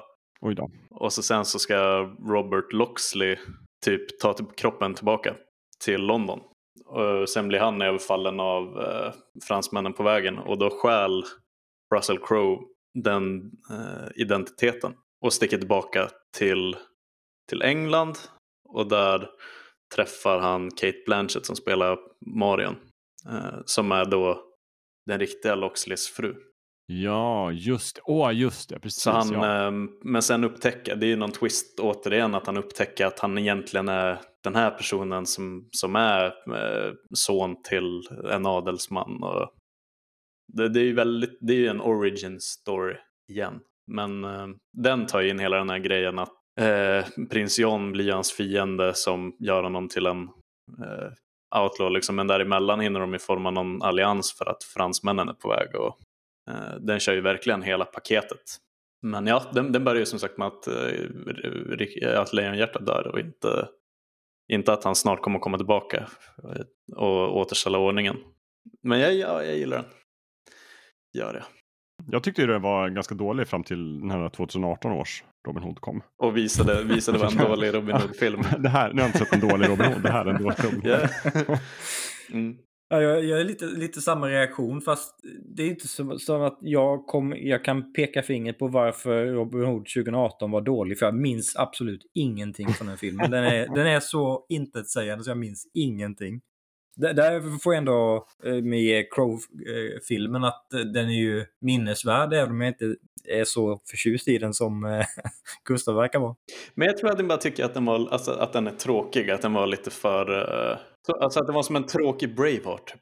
Nej, men jag, det, jag, jag, känner lite att det, det, är typ som en, en, en, en annan film 70% av tiden och sen så blir den Robin Hood i slutet. Alltså det, den twisten och det, det berättandet fram tills den punkten mot slutet, det, det, är ju inte dåligt gjort. Men det känns inte riktigt som att det är en Robin Hood-berättelse man upplever. Och sen helt plötsligt blir det Robin mm, Hood. Mm, det är sant, det är lite som typ det är nästan som att det är Batman Begins men att mm. eh, det slutar med att han tar på sig dräkten för första gången. Exakt, exakt. Um, så fram tills dess så folk kallar honom för Bruce Wayne men det hade kunnat vara något helt annat också. Uh, det håller jag med om. Men det som räddar, det, det som räddar den från att, bli, att jag skulle kalla den en dålig film det är ju Max von Sydow. Ja. Men, men, så är det ju alltid i alla filmer han är Nej, men, Vad spelar han nu då i den? Uh, den blinda pappan, uh, Sir Walter Loxley. Jaha. Okay. Men får jag bara, jag, jag, gör alltid det här när vi pratar om den här filmen. Men för alla nu som lyssnar på det här avsnittet som har sett, såg den eh, för 10-11 år sedan, eh, på bio kanske till och med. men som inte har tänkt på den sedan dess. Um, om ni ser den igen, typ nu till helgen, så tror jag att ni kommer inse att så här, fan den är bättre än vad jag minns den. Och ni kommer också få dilla av eh, rollistan. Det är det jag menar med att eh, Robin Hood drar till sig sådana eh, all A-list skådisar. Russell Crowe som Robin, Kate Blanchett som Marion, Max von Sydow som Papa Loxley, William Hurt som William Marshall som är eh, rådgivare till kungen. Eh, Mark Strong som Godfrey, eh, fransk spion. Eh, Oscar Isaac, superkänd nu från Star Wars och allt möjligt. Han spelar prins John. Oj, oj, oj. Eh, Danny Huston är kung Rickard. Eileen Atkins, eh, Eleanor of Aquitaine, eh, alltså morsan tror jag väl till eh, prins John. Mm. Eh, Mark Addy, eh, kung, eh, kung Baratheon från Game of Thrones, Just det. spelar Friar Tuck. Matthew McFadden, allas våran Jane Austen favvo. Det är han som är sheriffen av Nottingham. Eller och nu också, han är väl mest känd från Succession just nu, Matthew McFadden. Just det. Eh, Kevin Durant, Little John, Scott Grimes från Band of Brothers är med i gänget där. Det är otroligt många. Lea Sedö spelar den franska prinsessan som blir tillsammans med prins John. Alltså det, det, bara, det fortsätter bara. Det är helt otroligt. Men det är väl lite sådär också när Ridley Scott håller i tömmarna. Då blir det ju stjärnspäckat. Mm. Och det är klart, det där är ju en sjukt imponerande casting. Jag kanske måste se den igen, för jag är ju en av de där som bara såg den där när den gick på bio. Ja, samma här. Jag såg den på bio. Och sen, sa, jag, och sen sa jag till mig själv, det här tyckte jag inte om. har jag inte sagt tillbaka. Men jag tyckte nog att rolllistan var fantastisk, men jag vet inte om jag gillade själv Russell som Robin Hood själv.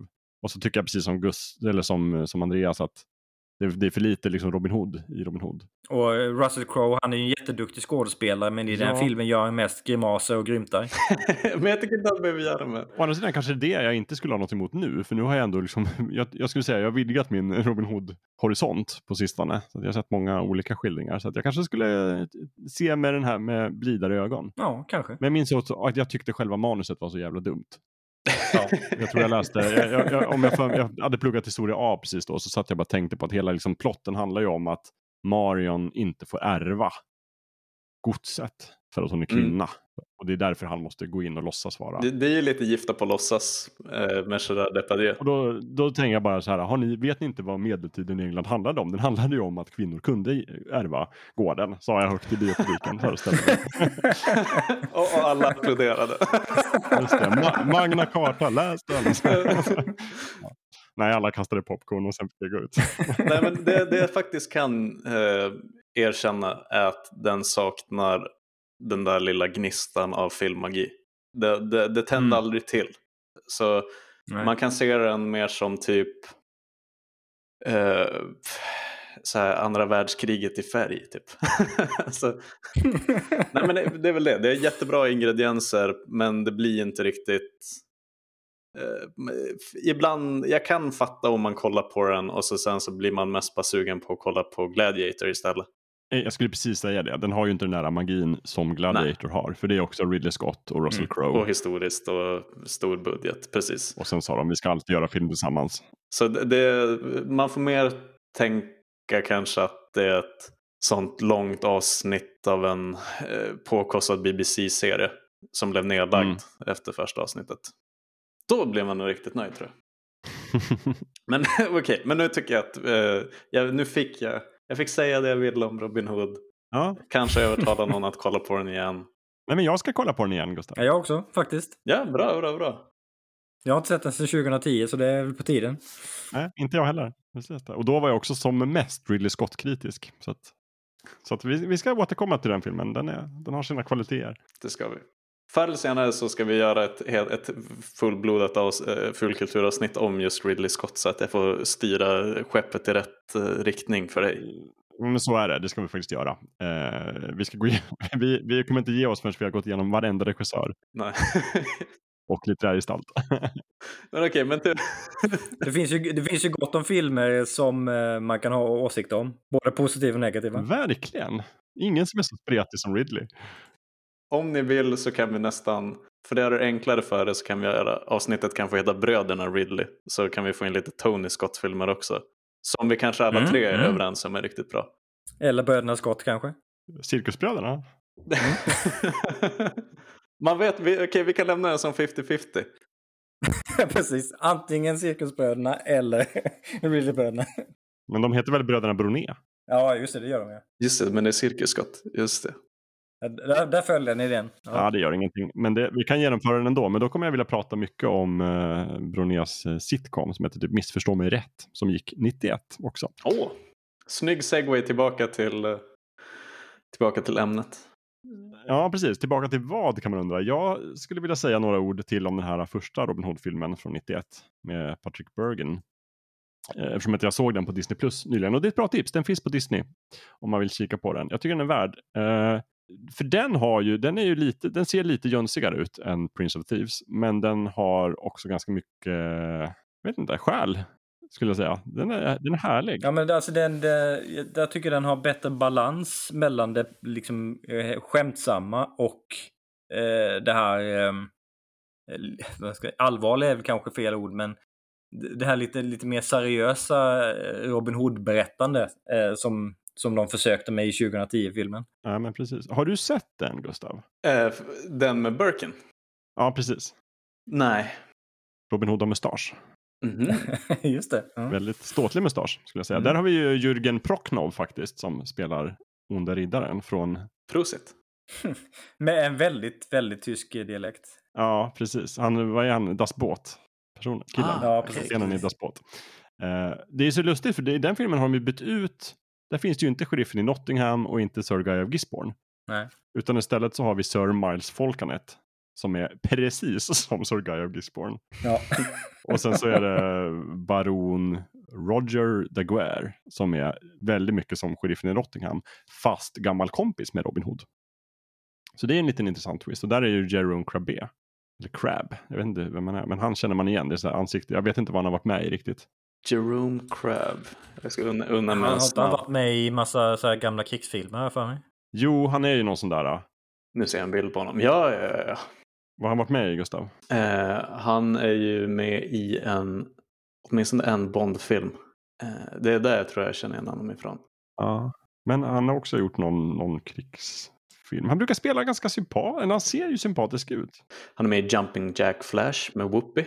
Nu vet jag vad jag tänker på. Jag kollar här. Han är, han är ju skurken i Jagad med Harrison Ford. Just fan. Ja, just det. Alltså den onde läkaren. Han är också med i Punisher från 1989. Så kan det gå. En annan, en annan skön karaktär är ju eh, eh, Much the Miller eh, som spelas av Danny Webb. Ja, just det. Han spelar den här gycklaren så eh, jag tycker han är supercharmig i den filmen. Men verkligen. Match de Miller är ju också en sån här karaktär som var med nästan från början. Han är en av de äldsta bifigurerna. Mm. Alltid så här, mjölnarens son, Match. Han är eh, given plats i skaran av muntra män. Mm. Men i den filmen så vill jag faktiskt också lyfta in den andra nästan äldsta bifiguren, nämligen Will Scarlett. Ja, just det. Som i den här filmen spelas han av, av Owen Teal, som vi känner igen som Sir Alistair i Alistair Thorne i Game of Thrones. Åh fan. Den elaka kommanden uppe i, i The Wall. Mm. Han gillar inte Kit Harington för fem öre. Det, eller det var så välspelat att jag tänkte att han har någonting emot skådisen. Verkligen bra. Men här i Robin Hood så spelar han ju en supersympatisk Will Scarlett. Och det som är roligt är att han är ju den som liksom alltid får Robin Hood att göra den rätta saken.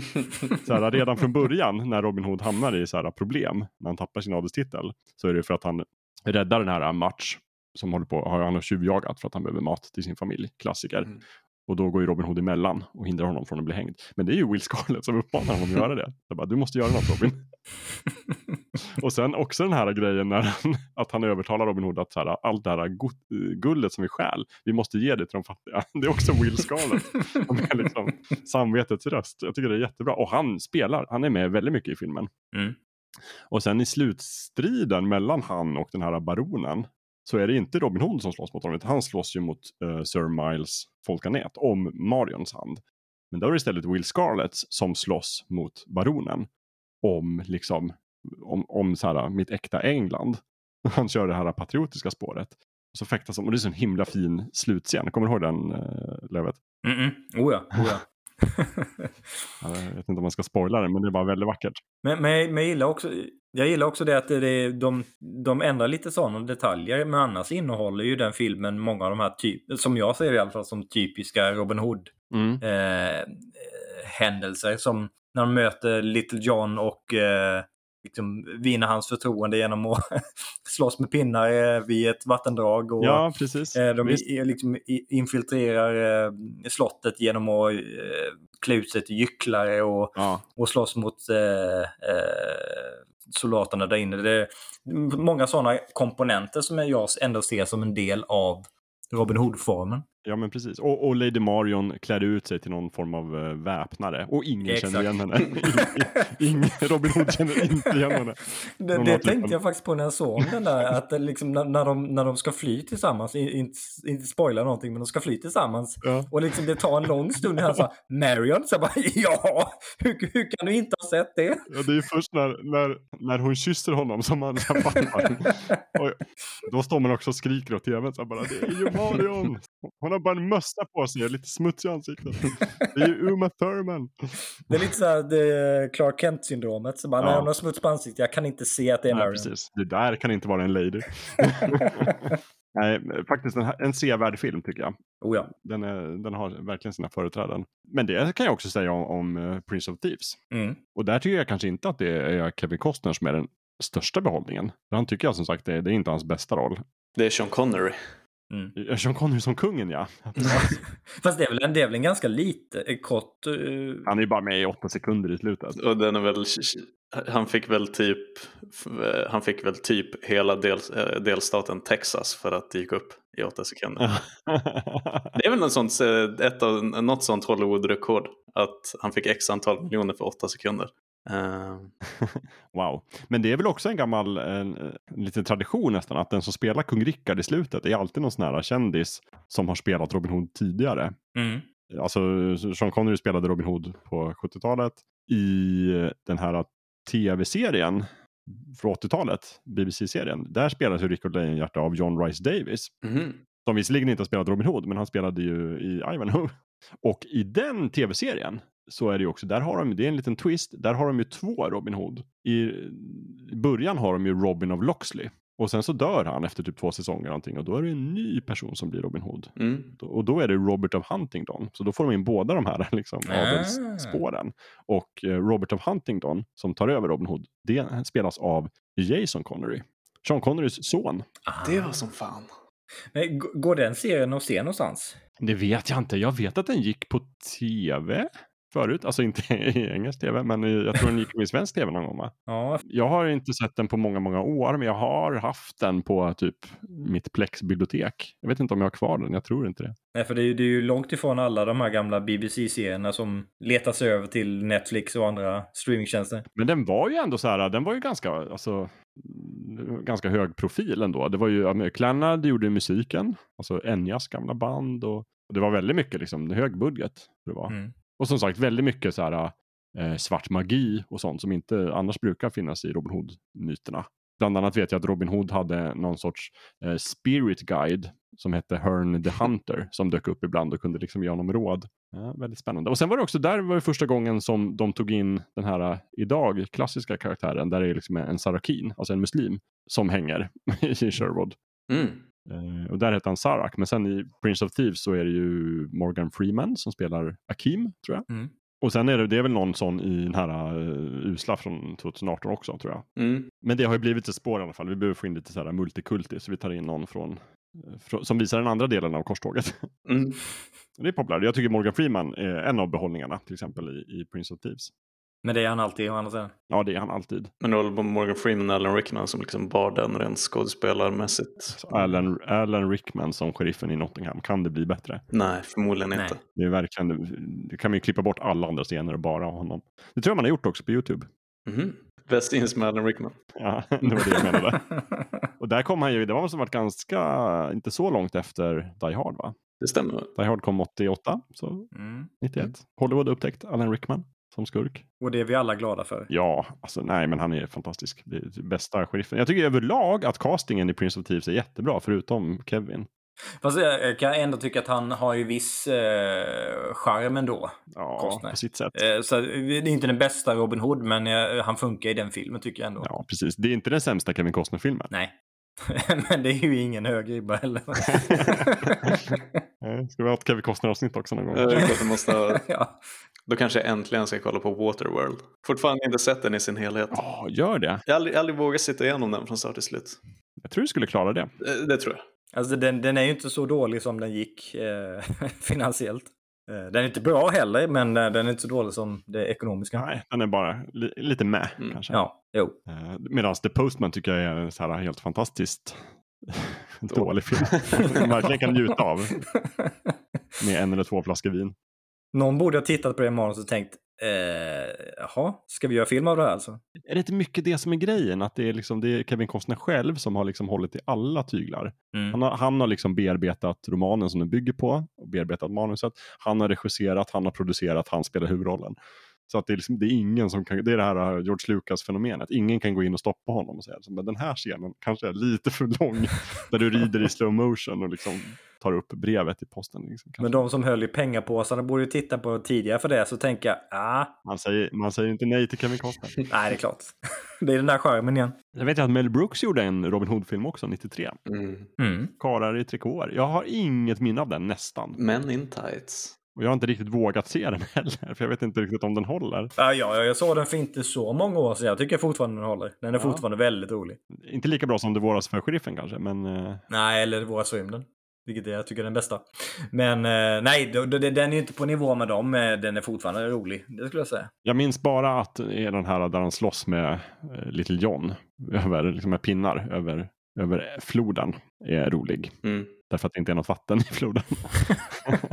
De slåss med så här små pinnar. Det är kul. Alltså det är Mel Brooks. Men får jag fråga er om eh, en grej kring eh, Prince of Thieves? Eh, ni som har spelat tv-spel. Är det någon som har testat, har ni testat på spelet som kom till NES och Gameboy? På den tiden spelade jag det lite. Jag tror det fanns ju så här, dels fanns det väl sådana här demokiosker i butiken. Man kunde spela åtta minuter Mm. innan de bytte spel. Men sen tror jag någon kompis hade också Thieves-spelet. Det var väl ganska bra, eller minns jag fel? Ja, jag spelar aldrig det tyvärr. Jag kommer inte ens ihåg hur det såg ut, men var det lite äventyrsaktigt? Eller var det bara action? Oj, jag vet inte. Det är före min tid. Men jag tänkte om... eh, Det var ju på den tiden när det gjorde- eh, gjordes liksom ett tv-spel på all, varje film som kom. Det var nog inte så bra. Jag kollar på screenshots nu. Eh, jag kommer faktiskt inte ihåg. Men jag, jag hade det trevligt när vi spelade, vill jag minnas. Men jag tror inte vi kom så långt. Tror du det var Brian Adams i sån plipp-plopp i midi- midi-utförande? För i så fall måste jag nästan spela det. Och hur mycket pengar fick Brian Adams för det? Mm. Bra fråga. Han kanske fortfar- han drar fortfarande in royalties. Från NES-versionen? Precis. Det vet jag inte. Uh, sen är det ju Michael Kamen också som gjorde själva originalmusiken. Så att han, det måste vi lyfta fram. Ja. Han skrev ju liksom eh, Everything I Do tillsammans med Brian Adams. Och han är ju en riktig ikon. Liksom. Han har ju, dels har han ju spelat och gjort arrangemang åt alla superartister. Men också gjort musik till typ, alltså, vad är det? Highlander, Dödligt vapen. Mm, rest in peace, det var han som gjorde det odödliga eh, ledmotivet till Band of Brothers också. Är det sant? Ja. Typ halva anledningen till att den miniserien är så bra som den är. X-Men, Järnjätten, Mm. alla Die Hard-filmer. X-Men. De tre musketörerna från 93 gjorde han ju också musiken till. Och med eh, Jack Bauer. Just det, precis. Kiefer Sutherland, Charlie Sheen och Chris O'Donnell som spelar. Där liksom också Brian Adams är tillbaka och gör musiken. Mm. Men då tillsammans med Rod Stewart och Sting. Sting. Mm. Jag tänker ju väldigt mycket på den filmen som en slags andlig uppföljare till Prince of Thieves. Bara Mm. därför. Mm. Därför att det också är så här, det är Brian Adams, det är Michael Keeman, det är också så här litterära gestalter, storfilm.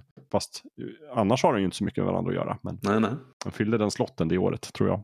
Ska jag, får jag dra iväg på en supersnabb, eh, nu när vi är inne på Michael Kamen? Men kör hårt. Ehm, för, för jag bara såg i listan nu att han gör musiken till License to Kill. Ooh, Bondfilm. Och den, det är ju den ena med Timothy Dalton. Den andra, The Living Daylights. Det är därifrån jag tänkte på eh, Krabbe-filuren. Just Ehm, det. för han spelar eh, den eh, sovjetiska generalen eh, Georgij Koskov. Det är han som har smugglat iväg i början på The Living Daylights och trycker ner i den här transsibiriska oljepipelinen och bara flump Jaha, skickar över honom till, till väst. okej. Eh, Så det är han som är skurken i den eh, filmen. Där ser man. Så det var, där, det var därifrån jag hade honom eh, i en, eh, i en Bondrulle. Just det, men då hänger allt ihop. Då hänger allting ihop, yes. Eh, och på tal om Michael Kamen åt andra hållet också. Det, är, det är som, jag är rätt nöjd med den här eh, segwayen. Att Banner Brothers som sagt och Scott Grimes som eh, spelar Private Malarkey i Banner Brothers. Det är han som är Will Scarlett i Ridley Scott Robin Hood. Jaha, okej. Coolt va? Ja, då hänger det ihop där också. Men det är också det är lite som så här uh, Six Degrees of Kevin Bacon kanske. Att var man än vänder sig i Hollywood så kommer man förr eller senare till en Robin Hood-film. Typ, mm, lite så. Alla har varit inblandade i produktionen Mm. på något sätt. Någon Robin Hood-film, någon gång. Men eh, alltså, mm, karlar i trikåer. Mm. Jag, ser, jag blev precis påmind om eh, några av eh, skådespelarna och karaktärerna i, eh, i filmen. Dave Chappelle som just det. Kay som Asnis, Tracy Ullman som Latrin. Låter som uh, Mel Brooks har regisserat den va? Ja, man kan tro det. Och sen eh, Patrick Stewart som King Richard. Just det, Patrick Stewart ja, Mhm. såklart. Och Dom DeLuise inte heller helt, eh, inte helt dåligt. Men det är väl nästan att, eh, för det är väl, han gör väl exakt samma grej där. Att det är en, det är en spoof på Sean Connery cameon. Att han dyker upp Ja, i typ fem sekunder på slutet också. Ja, för Rick- kung Rickard har ju liksom inte så mycket att göra i Robin Hood-berättelsen förutom att avsluta den. Så att Nej. Exakt. det, är ju, det är naturligt att han bara dyker upp i slutet där. Jag är tillbaka, ordningen återställd. Alla tänker. Nej men det är man gillar ju, man gillar ju Carrie Elvis på den tiden. Med Princess Bride och eh, den filmen. Ja, ja visst. Oh, ja. Sen har han gjort otroligt mycket mer än så. Men det är väl, det är nog en av de som jag känner igen honom mest i. Och där har han ju också mustasch, Robin Hood. Precis, som man ska ha. Mm. Men vi kan eh, plocka upp kanske det här spelspåret då. Du, du nämnde eh, Prince of Thieves till Nintendo. Mm, mm. Som var ett spel och det antar jag kom också 91 typ. Eh, Men sen jag har kollat lite grann, för jag vet att jag spelade Robin Hood-spel när jag var lite yngre. Så jag har googlat lite och se vad det var för några. Och nästan alla kom 91. Så att jag vet inte om det har med Prince of Thieves att göra eller om det bara var så här allmän Robin Hood-feber det året. Mm. Men eh, dels har vi ju ett spel som heter eh, Robin Hood. Eh, Conquest of the Longbow som är från Sierra Online. Och det spelade jag väldigt mycket. Och det är ett sånt här eh, ganska klassiskt peka och klicka äventyrsspel.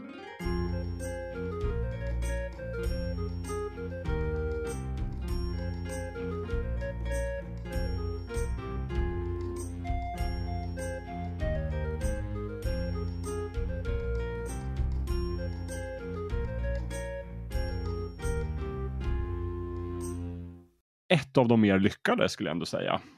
Om man, om man ska jämföra med andra Sierra-spel. Väldigt mycket atmosfär och väldigt, väldigt bra story. Mhm. Väldigt, jag spelade igenom det för inte så länge sedan faktiskt, kanske bara något år sedan. Med eh, guide naturligtvis. Man kan absolut inte spela det utan en guide. Det är helt omöjligt att, att liksom klara om man inte vet hur man ska göra. Men man kan spela igenom det bara för upp, upplevelsen. För det är väldigt så här, ja, men vacker pixelgrafik. Och som sagt väldigt mycket liksom bra skrivet för att vara ett sånt spel. De har verkligen gått till legenderna och det är väldigt mycket av de här, men lite precis som den här 91-filmen, att väldigt mycket grejer från legenderna dyker upp. Och man får klä ut sig och man får busa med sheriffen. Och skjuta pilbåge. Och även där också lite sån här naturmagi inblandat. Eh, Lady Marion till exempel är också, Hon är en wicca. Ja, hon moonlightar lite som Wicca faktiskt. Mhm. Vilket hon inte tycker är något problem med att hon dessutom är en devout Christian på dagtid. Det tycker sheriffen kan jag säga är ett problem. Daywalker, Night Stalker. Eh, det, är också, det är så härligt måste jag säga Jakob, när vi lyckas Ja. få in ett avsnitt att, att du pratar om ett Sierra-spel och att du säger att jag spelar det här om dagen och, och storyn är jättebra. Det är faktiskt riktigt bra. Häromåret sa jag. Häromåret, ja. men ja, det är ganska nyss. Det, det gillar jag. Nej, men eh, storyn är verkligen inte bra i alla de spelen, men här tycker jag verkligen att de har jobbat. Det känns som att du, du, är nog, du kan vara ensam i hela världen om att ha spelat typ alla Sierra-spel. Men jag har jobbat aktivt med det nu på senare år. Mm. De var väldigt så här, en stor bild i min personliga mytbildning i mina formativa år. Mm. Och då var det, de var väldigt onåbara då också. Jag hade råd med kanske ett eller två. Sen så fick man liksom successivt spela igenom dem. Hur som helst, det här Robin Hood-spelet, Conquest of Longbow, det slutar också med såklart att Rickard Lejonhjärta kommer tillbaka. Och då får man också väldigt mycket, så här, beroende på hur man har spelat det, så blir det olika bra. Åh, Så har man spelat spelet väldigt dygdigt och varit väldigt Robin Hoodig, det vill säga man ska ge pengar till alla man träffar och alltid ge pengar till tiggare. Och man måste välja så här äh, ärofyllda och hederliga lösningar hela tiden. Inte mot sheriffen, han kan man lura, men andra. Så här, man måste bete sig väldigt hövligt. Och har man gjort det, då kan folk komma fram och vittna, för det blir en stor rättegång. Så här, och, och kung Rickard säger, okej, okay, jag gillar dig Robin, och jag gillar inte min brorsa, men nu ska vi se vad folk tycker om dig. Och då kommer folk fram och så här berätta att den här personen, han var minsann jättetrevlig mot mig. Uh, så gör man det väldigt bra då, då får man liksom, dels blir man benådad och man får tillbaka sitt gods. Och Little John blir den nya sheriffen och man får också gifta sig med Marion. Om man har spelat det riktigt bra. Det är fint. mm. Sen fanns det det året också ett annat spel som också tror jag bara hette Robin Hood. Uh, som jag hade och det är ett lite mera så här, uh, jag kommer inte ihåg vem som har utvecklat det. Men det är liksom, man ser hela spelvyn är snett uppifrån, alltså det är isometriskt. Ah. Och sen själva spelplanen är tänk, en liten fyrkant. Och sen så får man gå ur bild, då kommer man till nästa scen. Liksom. Um, ja. Låter inte lika påkostat som den här... Eh, inte lika påkostat. Förgreningar i narrativet och konsekvenser som Cedra pysslar med. Nej, nej, verkligen inte. Utan det här är mer om man ska liksom klicka med musen för att man ska röra sig framåt och så får man skjuta pilbåge. Det sjuka är att eftersom att det är isometriskt så är det helt omöjligt att träffa med pilbågen. man kan liksom inte skjuta, det är också på ett gammalt Atari-spel, det är helt omöjligt. Det går inte. Uh, men jag tycker ändå det var lite charmigt. Mm. Så är det med det. Det är väl egentligen de spelen jag har hittat. Jag tror inte det finns. Det finns säkert fler, men jag har inte kört något. Det enda jag, det enda jag har kört som, som jag inte... Det är väl kanske inte ett Robin Hood-spel i sig, men Robin Hood finns med i det. är ju Defender of the Crown. Just det, det glömde jag. För man, man spelar väl inte som Robin Hood, men han är väl en av karaktärerna i spelet har jag för mig. Det har du rätt i. Defender of the Crown, ja. Det bygger ju egentligen på, det är ju egentligen Ivanhoe-boken. Exakt, exakt. Efter. Man får välja vilken man ska spela. Man, får, man kan spela Ivanhoe, eller Cedric av Rotterwood, eller mm, två andra personer som jag inte minns vad de heter. Och då kan man ju liksom anlita Robin som en allierad. Ja, precis. Och be honom om hjälp, för han är ju naturligtvis positiv till den saxiska kampen. Och då kan han följa med till slottet och fäktas. Och han kan bistå med lite män sådär när man behöver attackera någon borg. Uh, men om man ber honom om hjälp för många gånger då säger han bara jag har slut på fredlösa. Det blir ingen, det blir ingen hjälp. det blir inte det. Eh, det är ju väldigt länge sedan jag spelade nu. Men går inte det ut på att man ska, man ska rädda uh, en, en damsel in distress? Jag kommer inte ihåg, det är väl inte Marion, men någon damsel in distress som man ska rädda. Nej, precis. Alltså det är, det är inte det det går ut Jag minns det väldigt tydligt. Uh, fastän det var länge sedan jag spelade. Men det är, egentligen går det ut på att ta över liksom om det är över hälften av alla områden på kartan, vilket är England. Mm. Eller åtminstone alla normandiska områden. Men sen finns det ju massa bisaker man kan göra, bland annat turnera, attackera borgar och sådär. Och en av grejerna är att ibland blir ju damsels kidnappade och i distress. Nej, just så var det. Och det finns fyra damsels att välja på. Mm. Eller om det är beroende på vilken karaktär man spelar. Och sådär. Men nej, det är ju verkligen inte Marion, utan det är ju snarare typ, vad heter hon? Lady Rowena som Ivanhoe gillar och sådär. Mm. Men det, jag tror de har hittat på lite damsels också. Men alla är väldigt mycket in distress och sen så får man ju fäkta sig igenom en borg Mm. om man ska rädda dem. Och då kan man ju gifta sig och då får man ju lite nya områden. Mm. Det är fint. Men jag vet också att de gjorde någon så här upp, inom citationstecket upphottad version av Defender of the Crown på 2000-talet. Och då hette det Robin Hood Defender of the Crown. För då tänkte de vi kan sälja mycket mer om vi kallar det för Robin Hood. Och då spelar man som Robin Hood. Fast i övrigt är det typ samma spel. Ja, precis. Men det var väl typ, var, var inte det typ Playstation 2-generationen? Mm, Xbox, PS2. Ja. Jag tyckte inte det var bra. Nej, jag kommer ihåg att det fick dålig kritik. Jag har inte spelat det själv. Det ser ut som ett riktigt sånt skitspel från Capcom tidigt 2000. det, verkar, det verkar det vara också. Ja, och, och, och, liksom, och jag tycker ju jättemycket om stämningen från så här Defender of the Crown-spelet. Det var ju ett väldigt snyggt spel på den Mm. tiden. Eh, men eh, Robin Hood och Defender of the Crown tycker jag inte har någon charm överhuvudtaget. Däremot så finns det faktiskt ett, ett eh, spel som heter Robin Hood The Legend of Sherwood som också kom 2000-talet någon gång. Och bygger samma motor som det här, uh, vad heter det? Eh, hjälp mig nu. Det är typ Desperados, Commandos. Precis, Desperados och Commandos. Samma, eh, om det är samma utvecklare kanske, men det är i alla fall samma motor. Där man mera ska smyga omkring i ganska snygga miljöer. Mm. Det, det gillar jag, det spelade jag. Mm, det är Spellbound, det var någon som gjorde Desperados. Okej, okay, just det. Desperados är vilda västern, eller hur? Precis, men den också isometriska. Det går ju i samma stuk alltså. Fan, det hade, nog, det hade jag nog tyckt om om jag hade spelat back in the days. Men vad intressant, nu har vi ändå lyckats gräva fram typ fyra eller fem datorspel på Robin Hood. Och du, du som är multiplayer-intresserad åtminstone, eh, Gustav, har du eh, tittat någonting på Hood, Outlaws and Legends? Nej, eh, tyvärr inte. Det var det jag såg. Jag kollade på listan där på spel tidigare för att jag tänkte att eh, det är nog liksom min blinda fläck när det kommer till Robin Hood. Det känns som att jag inte har spelat ett enda spel med honom. Um, men jag tror jag inte ens hört ett jota om det. Uh. Nej, jag har sett på Discord några som har pratat om det men uh, i och med att multiplayer är en uh, tämligen ointressant faktor för min del så har jag inte tittat vidare på det efter det. Men det verkar ju vara något sånt fokus, fokus interactive, dubbel A, tjoho. Ja. Uh, nej, ingenting jag har sett tidigare. Det är väl egentligen bara en grej jag tänkte på när jag såg den listan på spel som jag tänkte fråga dig Lövet var att det stod att eh, Robin Hood typ är med på något sätt i Persona 5. Hörni, jag, jag måste bara avvika i två, tre minuter. Kolla ja, det. absolut. Vi kan, ja. vi... Nej, men stämmer det?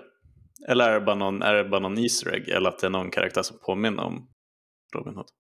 Känner du igen det? För jag utgår ifrån att du har 100% att Persona 5 och har sett allt. Alltså jag har ju, jag har ju sett alla fiender. Um det är så jävla kryptiskt. Det stod på listan att det finns en manifestation av Robin Hood i Persona 5.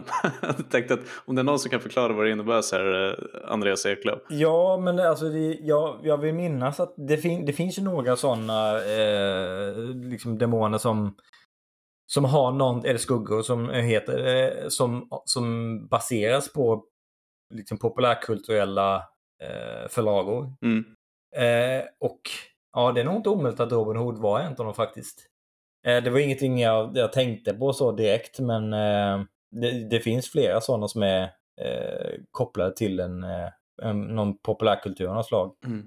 Ja, alltså det är ju en public domain karaktär så han får väl dyka upp lite hur de vill. Ja, ja precis. Ja, de, de, de gör ju referenser till allt möjligt i det spelet så det, det kan mycket, mycket väl vara Ah, ja, nu kollar jag upp det. Jo, den, den fienden kommer jag ihåg. Men, eh, ja, men det är, inget, det är inget mer än så. Jag minns inte att de kallar den eh, Robin Hood. Jag fattar, jag fattar. Det är ingen sån Ready Player One-grej att plötsligt dyker Robin Hood upp. I... Nej, nej, nej. nej, nej, nej. så de, de, har allt från eh, Robin Hood till kukmonster. Så eh, det finns lite allt möjligt. Sannerligen är allting tillåtet i JRPGs. Om det inte är obskyrt och konstigt så är det inte ett JRPG. Jag är mest, ärligt talat mest förvånad över att Ubisoft inte har gjort någonting Assassin's Creed-relaterat till uh, Robin Hood än. Ja, alltså det känns ju som att de har ju verkligen formen och, och Robin Hood är ju ett varumärke av rang. Så om de bara skulle ta typ samma koncept mm och sen slänga in en Robin Hood-story där, det borde sälja ganska bra. Ja, men och de kan ju, de kan ju inte liksom påstå att eh, så här, nej, vi, vi vill hålla oss till liksom riktig historia i den här serien. Uh, jag menar, Robin Hood är ändå så pass, han kan ju figurera i ett sammanhang där det faktiskt är eh, riktiga historiska karaktärer också. Jag menar, det, Ja, jo, precis. De, de kan ju bara eh, säga att det, det, det, den storyn fokuserar på en av de här figurerna som sägs ha varit Robin Hood. Det behöver inte vara eh, mer verklighetsförankrat än så egentligen. Sen kan det också vara att Ubisoft är fr fransk. fransmän. Och att de, de lägger hellre ner serien än att basera den på den största folkhjälten i... det kan, någon, någon kanske har förslagit detta och sen inte jobbat kvar längre.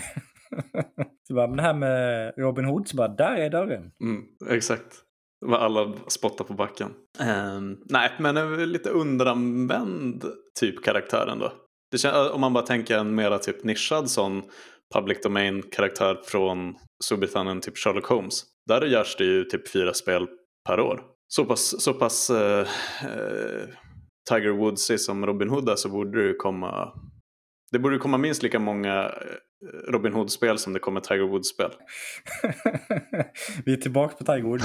Hur många Tiger Woods-spel finns det? Får man, får man prata om Tiger Woods nu? det? beror- Jag vet inte. Jo, det får man väl såklart. Jag vet inte vad han har gjort. Eller han spelar golf. Spela, vet jag. gol spela golf och, och vara i lite andra hål också. Ja, just det. Han var ju väldigt otrogen. Precis. Eh, nej, men välkommen tillbaka Jakob. Vi avhandlade lite mer eh, spel här. Eh, jag sa det att uh, förvånade att Ubisoft inte har gjort någonting Assassin's Creedigt på Robin Hood. Men jag, eh, jag hade faktiskt en liten anteckning om det. Att jag skulle kunna tänka mig att det skulle vara kul att göra ett Assassin's Creed Sherwood. För de har ju, första Assassin's Creed var ju ändå 1100-talet, korståget. Exakt. Skulle vilja ha en, liksom, jag menar uppenbarligen så var ju Robin Hood en assassin. Precis, det är, ju- det är som det är redan gjort. I deras liksom, mytologi. Det måste, alla var ju assassins Eh, i, i, i den myten. Alla kända personer var ju liksom assassins eller templars. mm.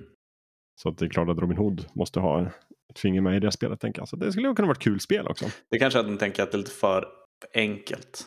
Kanske, men det skulle också vara ett härligt Back to the Roots-spel. Som det första Assassin's Creed, fast snyggare och bättre. Exakt. Ja, en dag. Vi kanske säger det nu och så sen typ eh, nu under E3-veckan så är det pang. Precis. Assassin's Creed Hood. Och jag menar, de är ju i England nu med Assassin's Creed Valhalla. Det är bara att hoppa några år fram i tiden och så knyta det till det första Assassin's Creed med han, eh, vad heter han den första? Alltså, Altair. Altairs son kommer. Han kan spela den här Akim-karaktären. Prince of Thieves och sen så Kevin Costner spelar Robin Hood naturligtvis. Han kan göra rösten, det blir hur stort som helst. Mm. Och sen så kan vi gräva in hela det här med att man ska jaga och liksom klara sig i vildmarken spåret från Assassin's Creed 3 fast i Sherwood. Tyvärr kan, tyvärr kan de inte ha med Sean Connery som säger hashashin. Det hade ju, det hade ju varit guld annars. I åtta sekunder.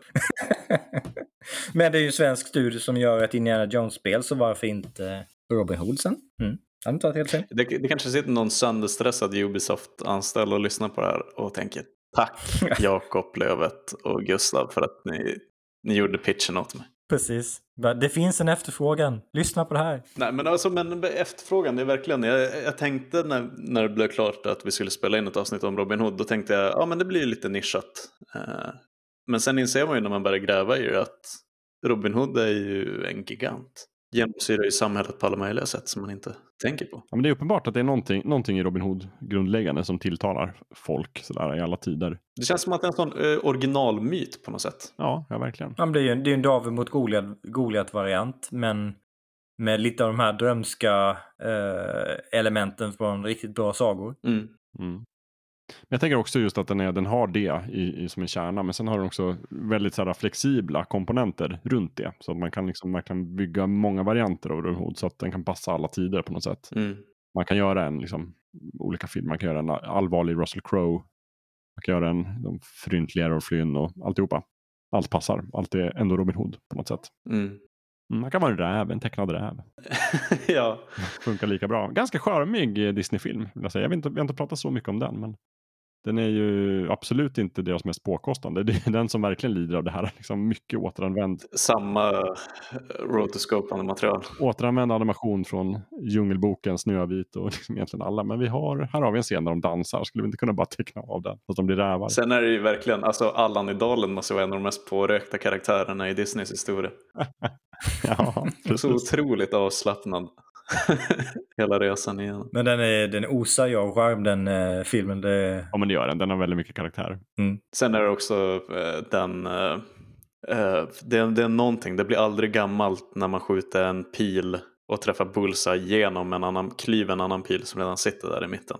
Vet du vem som, vilket verk som gjorde det inslaget först? Nej, berätta. Ja, det var Ivanhoe, boken. Ah, Sir Walter Scott. Mhm. Jajamän, Loxley kliver, kliver pilbågen på, eller klyver pilen på skyttetävlingen. Mm. Började där. det är verkligen, eh, verkligen en sån eh, markering att man är bäst. Loxley Cinematic Universe. ja, det hade jag inte tackat nej till. Nu, det de ska göra nu med eh, Sp- Spiderman. Att ta in, ta in alla möjliga eh, Spiderman-karaktärer eh, till nästa film. Eh, att göra en samma sak med eh, Robin Hood. Att du har både Kevin Costner, Cary Elvis, Russell Crowe, eh, en sån CGI där Errol Flynn alla möts i något Spider-Verse på något sätt. Douglas Fairbanks kommer in i efter, eftertexterna.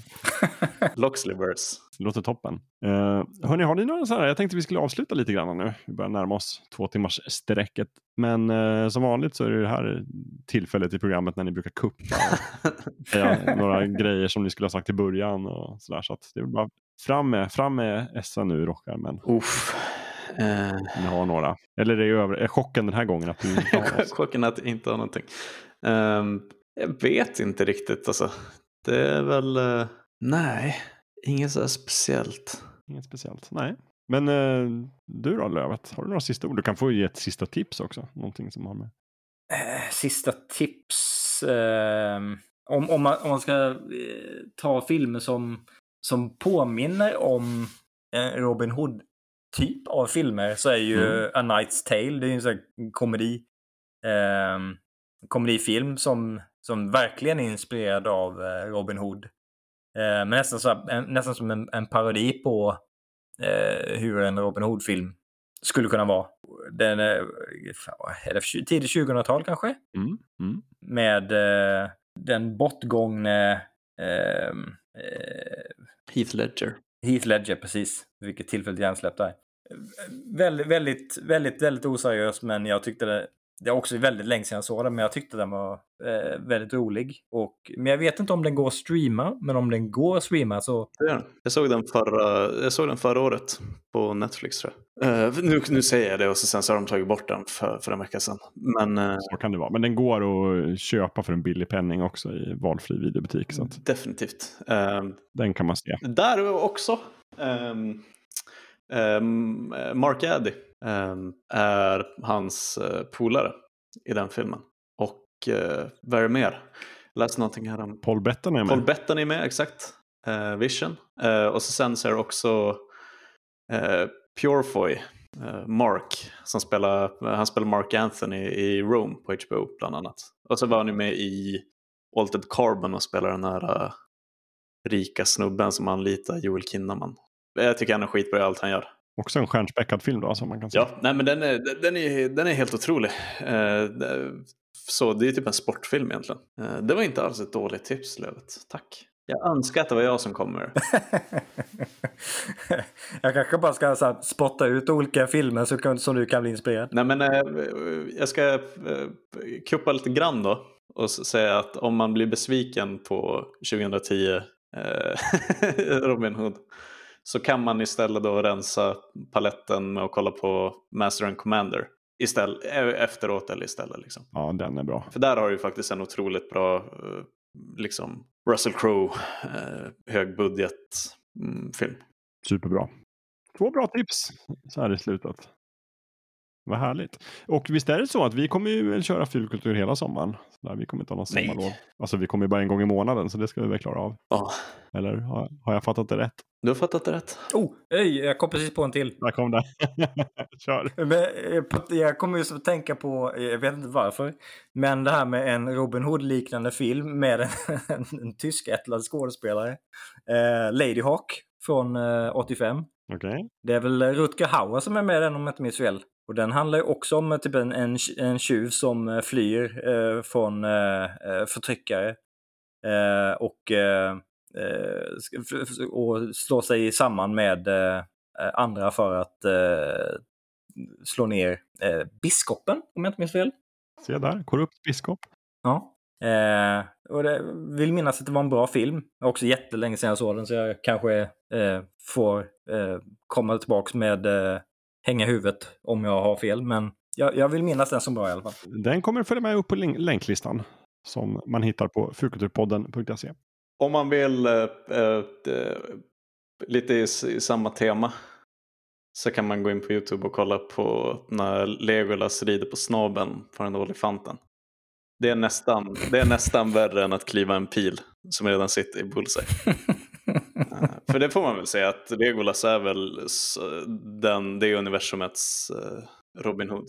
Fast också motsatsen, för han är ju en liten eh, aristokrat-brat som inte alls tar från de rika och ger till de fattiga. Precis.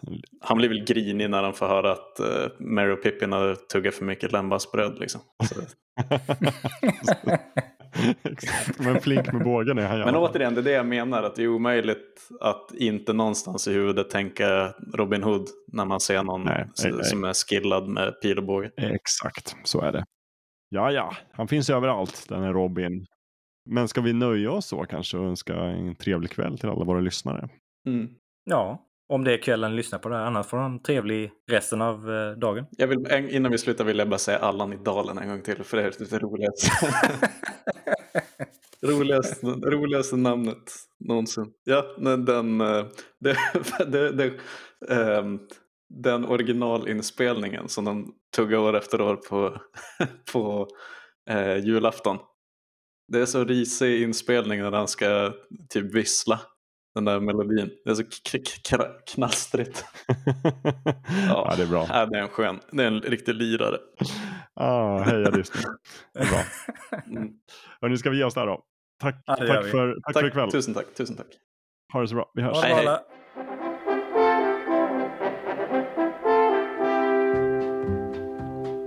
Robin Hood, Robin Hood, riding through the glen.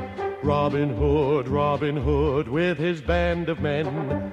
Feared by the bad, loved by the good. Robin Hood, Robin Hood, Robin Hood. He called the greatest archers to a tavern on the green. They vowed to help the people of the king. They handled all the trouble on the English country scene and still found plenty of time to sing. Robin Hood, Robin Hood, riding through the glen. Robin Hood, Robin Hood, with his band of men. Feared by the bad, loved by the good. Robin Hood, Robin Hood, Robin Hood.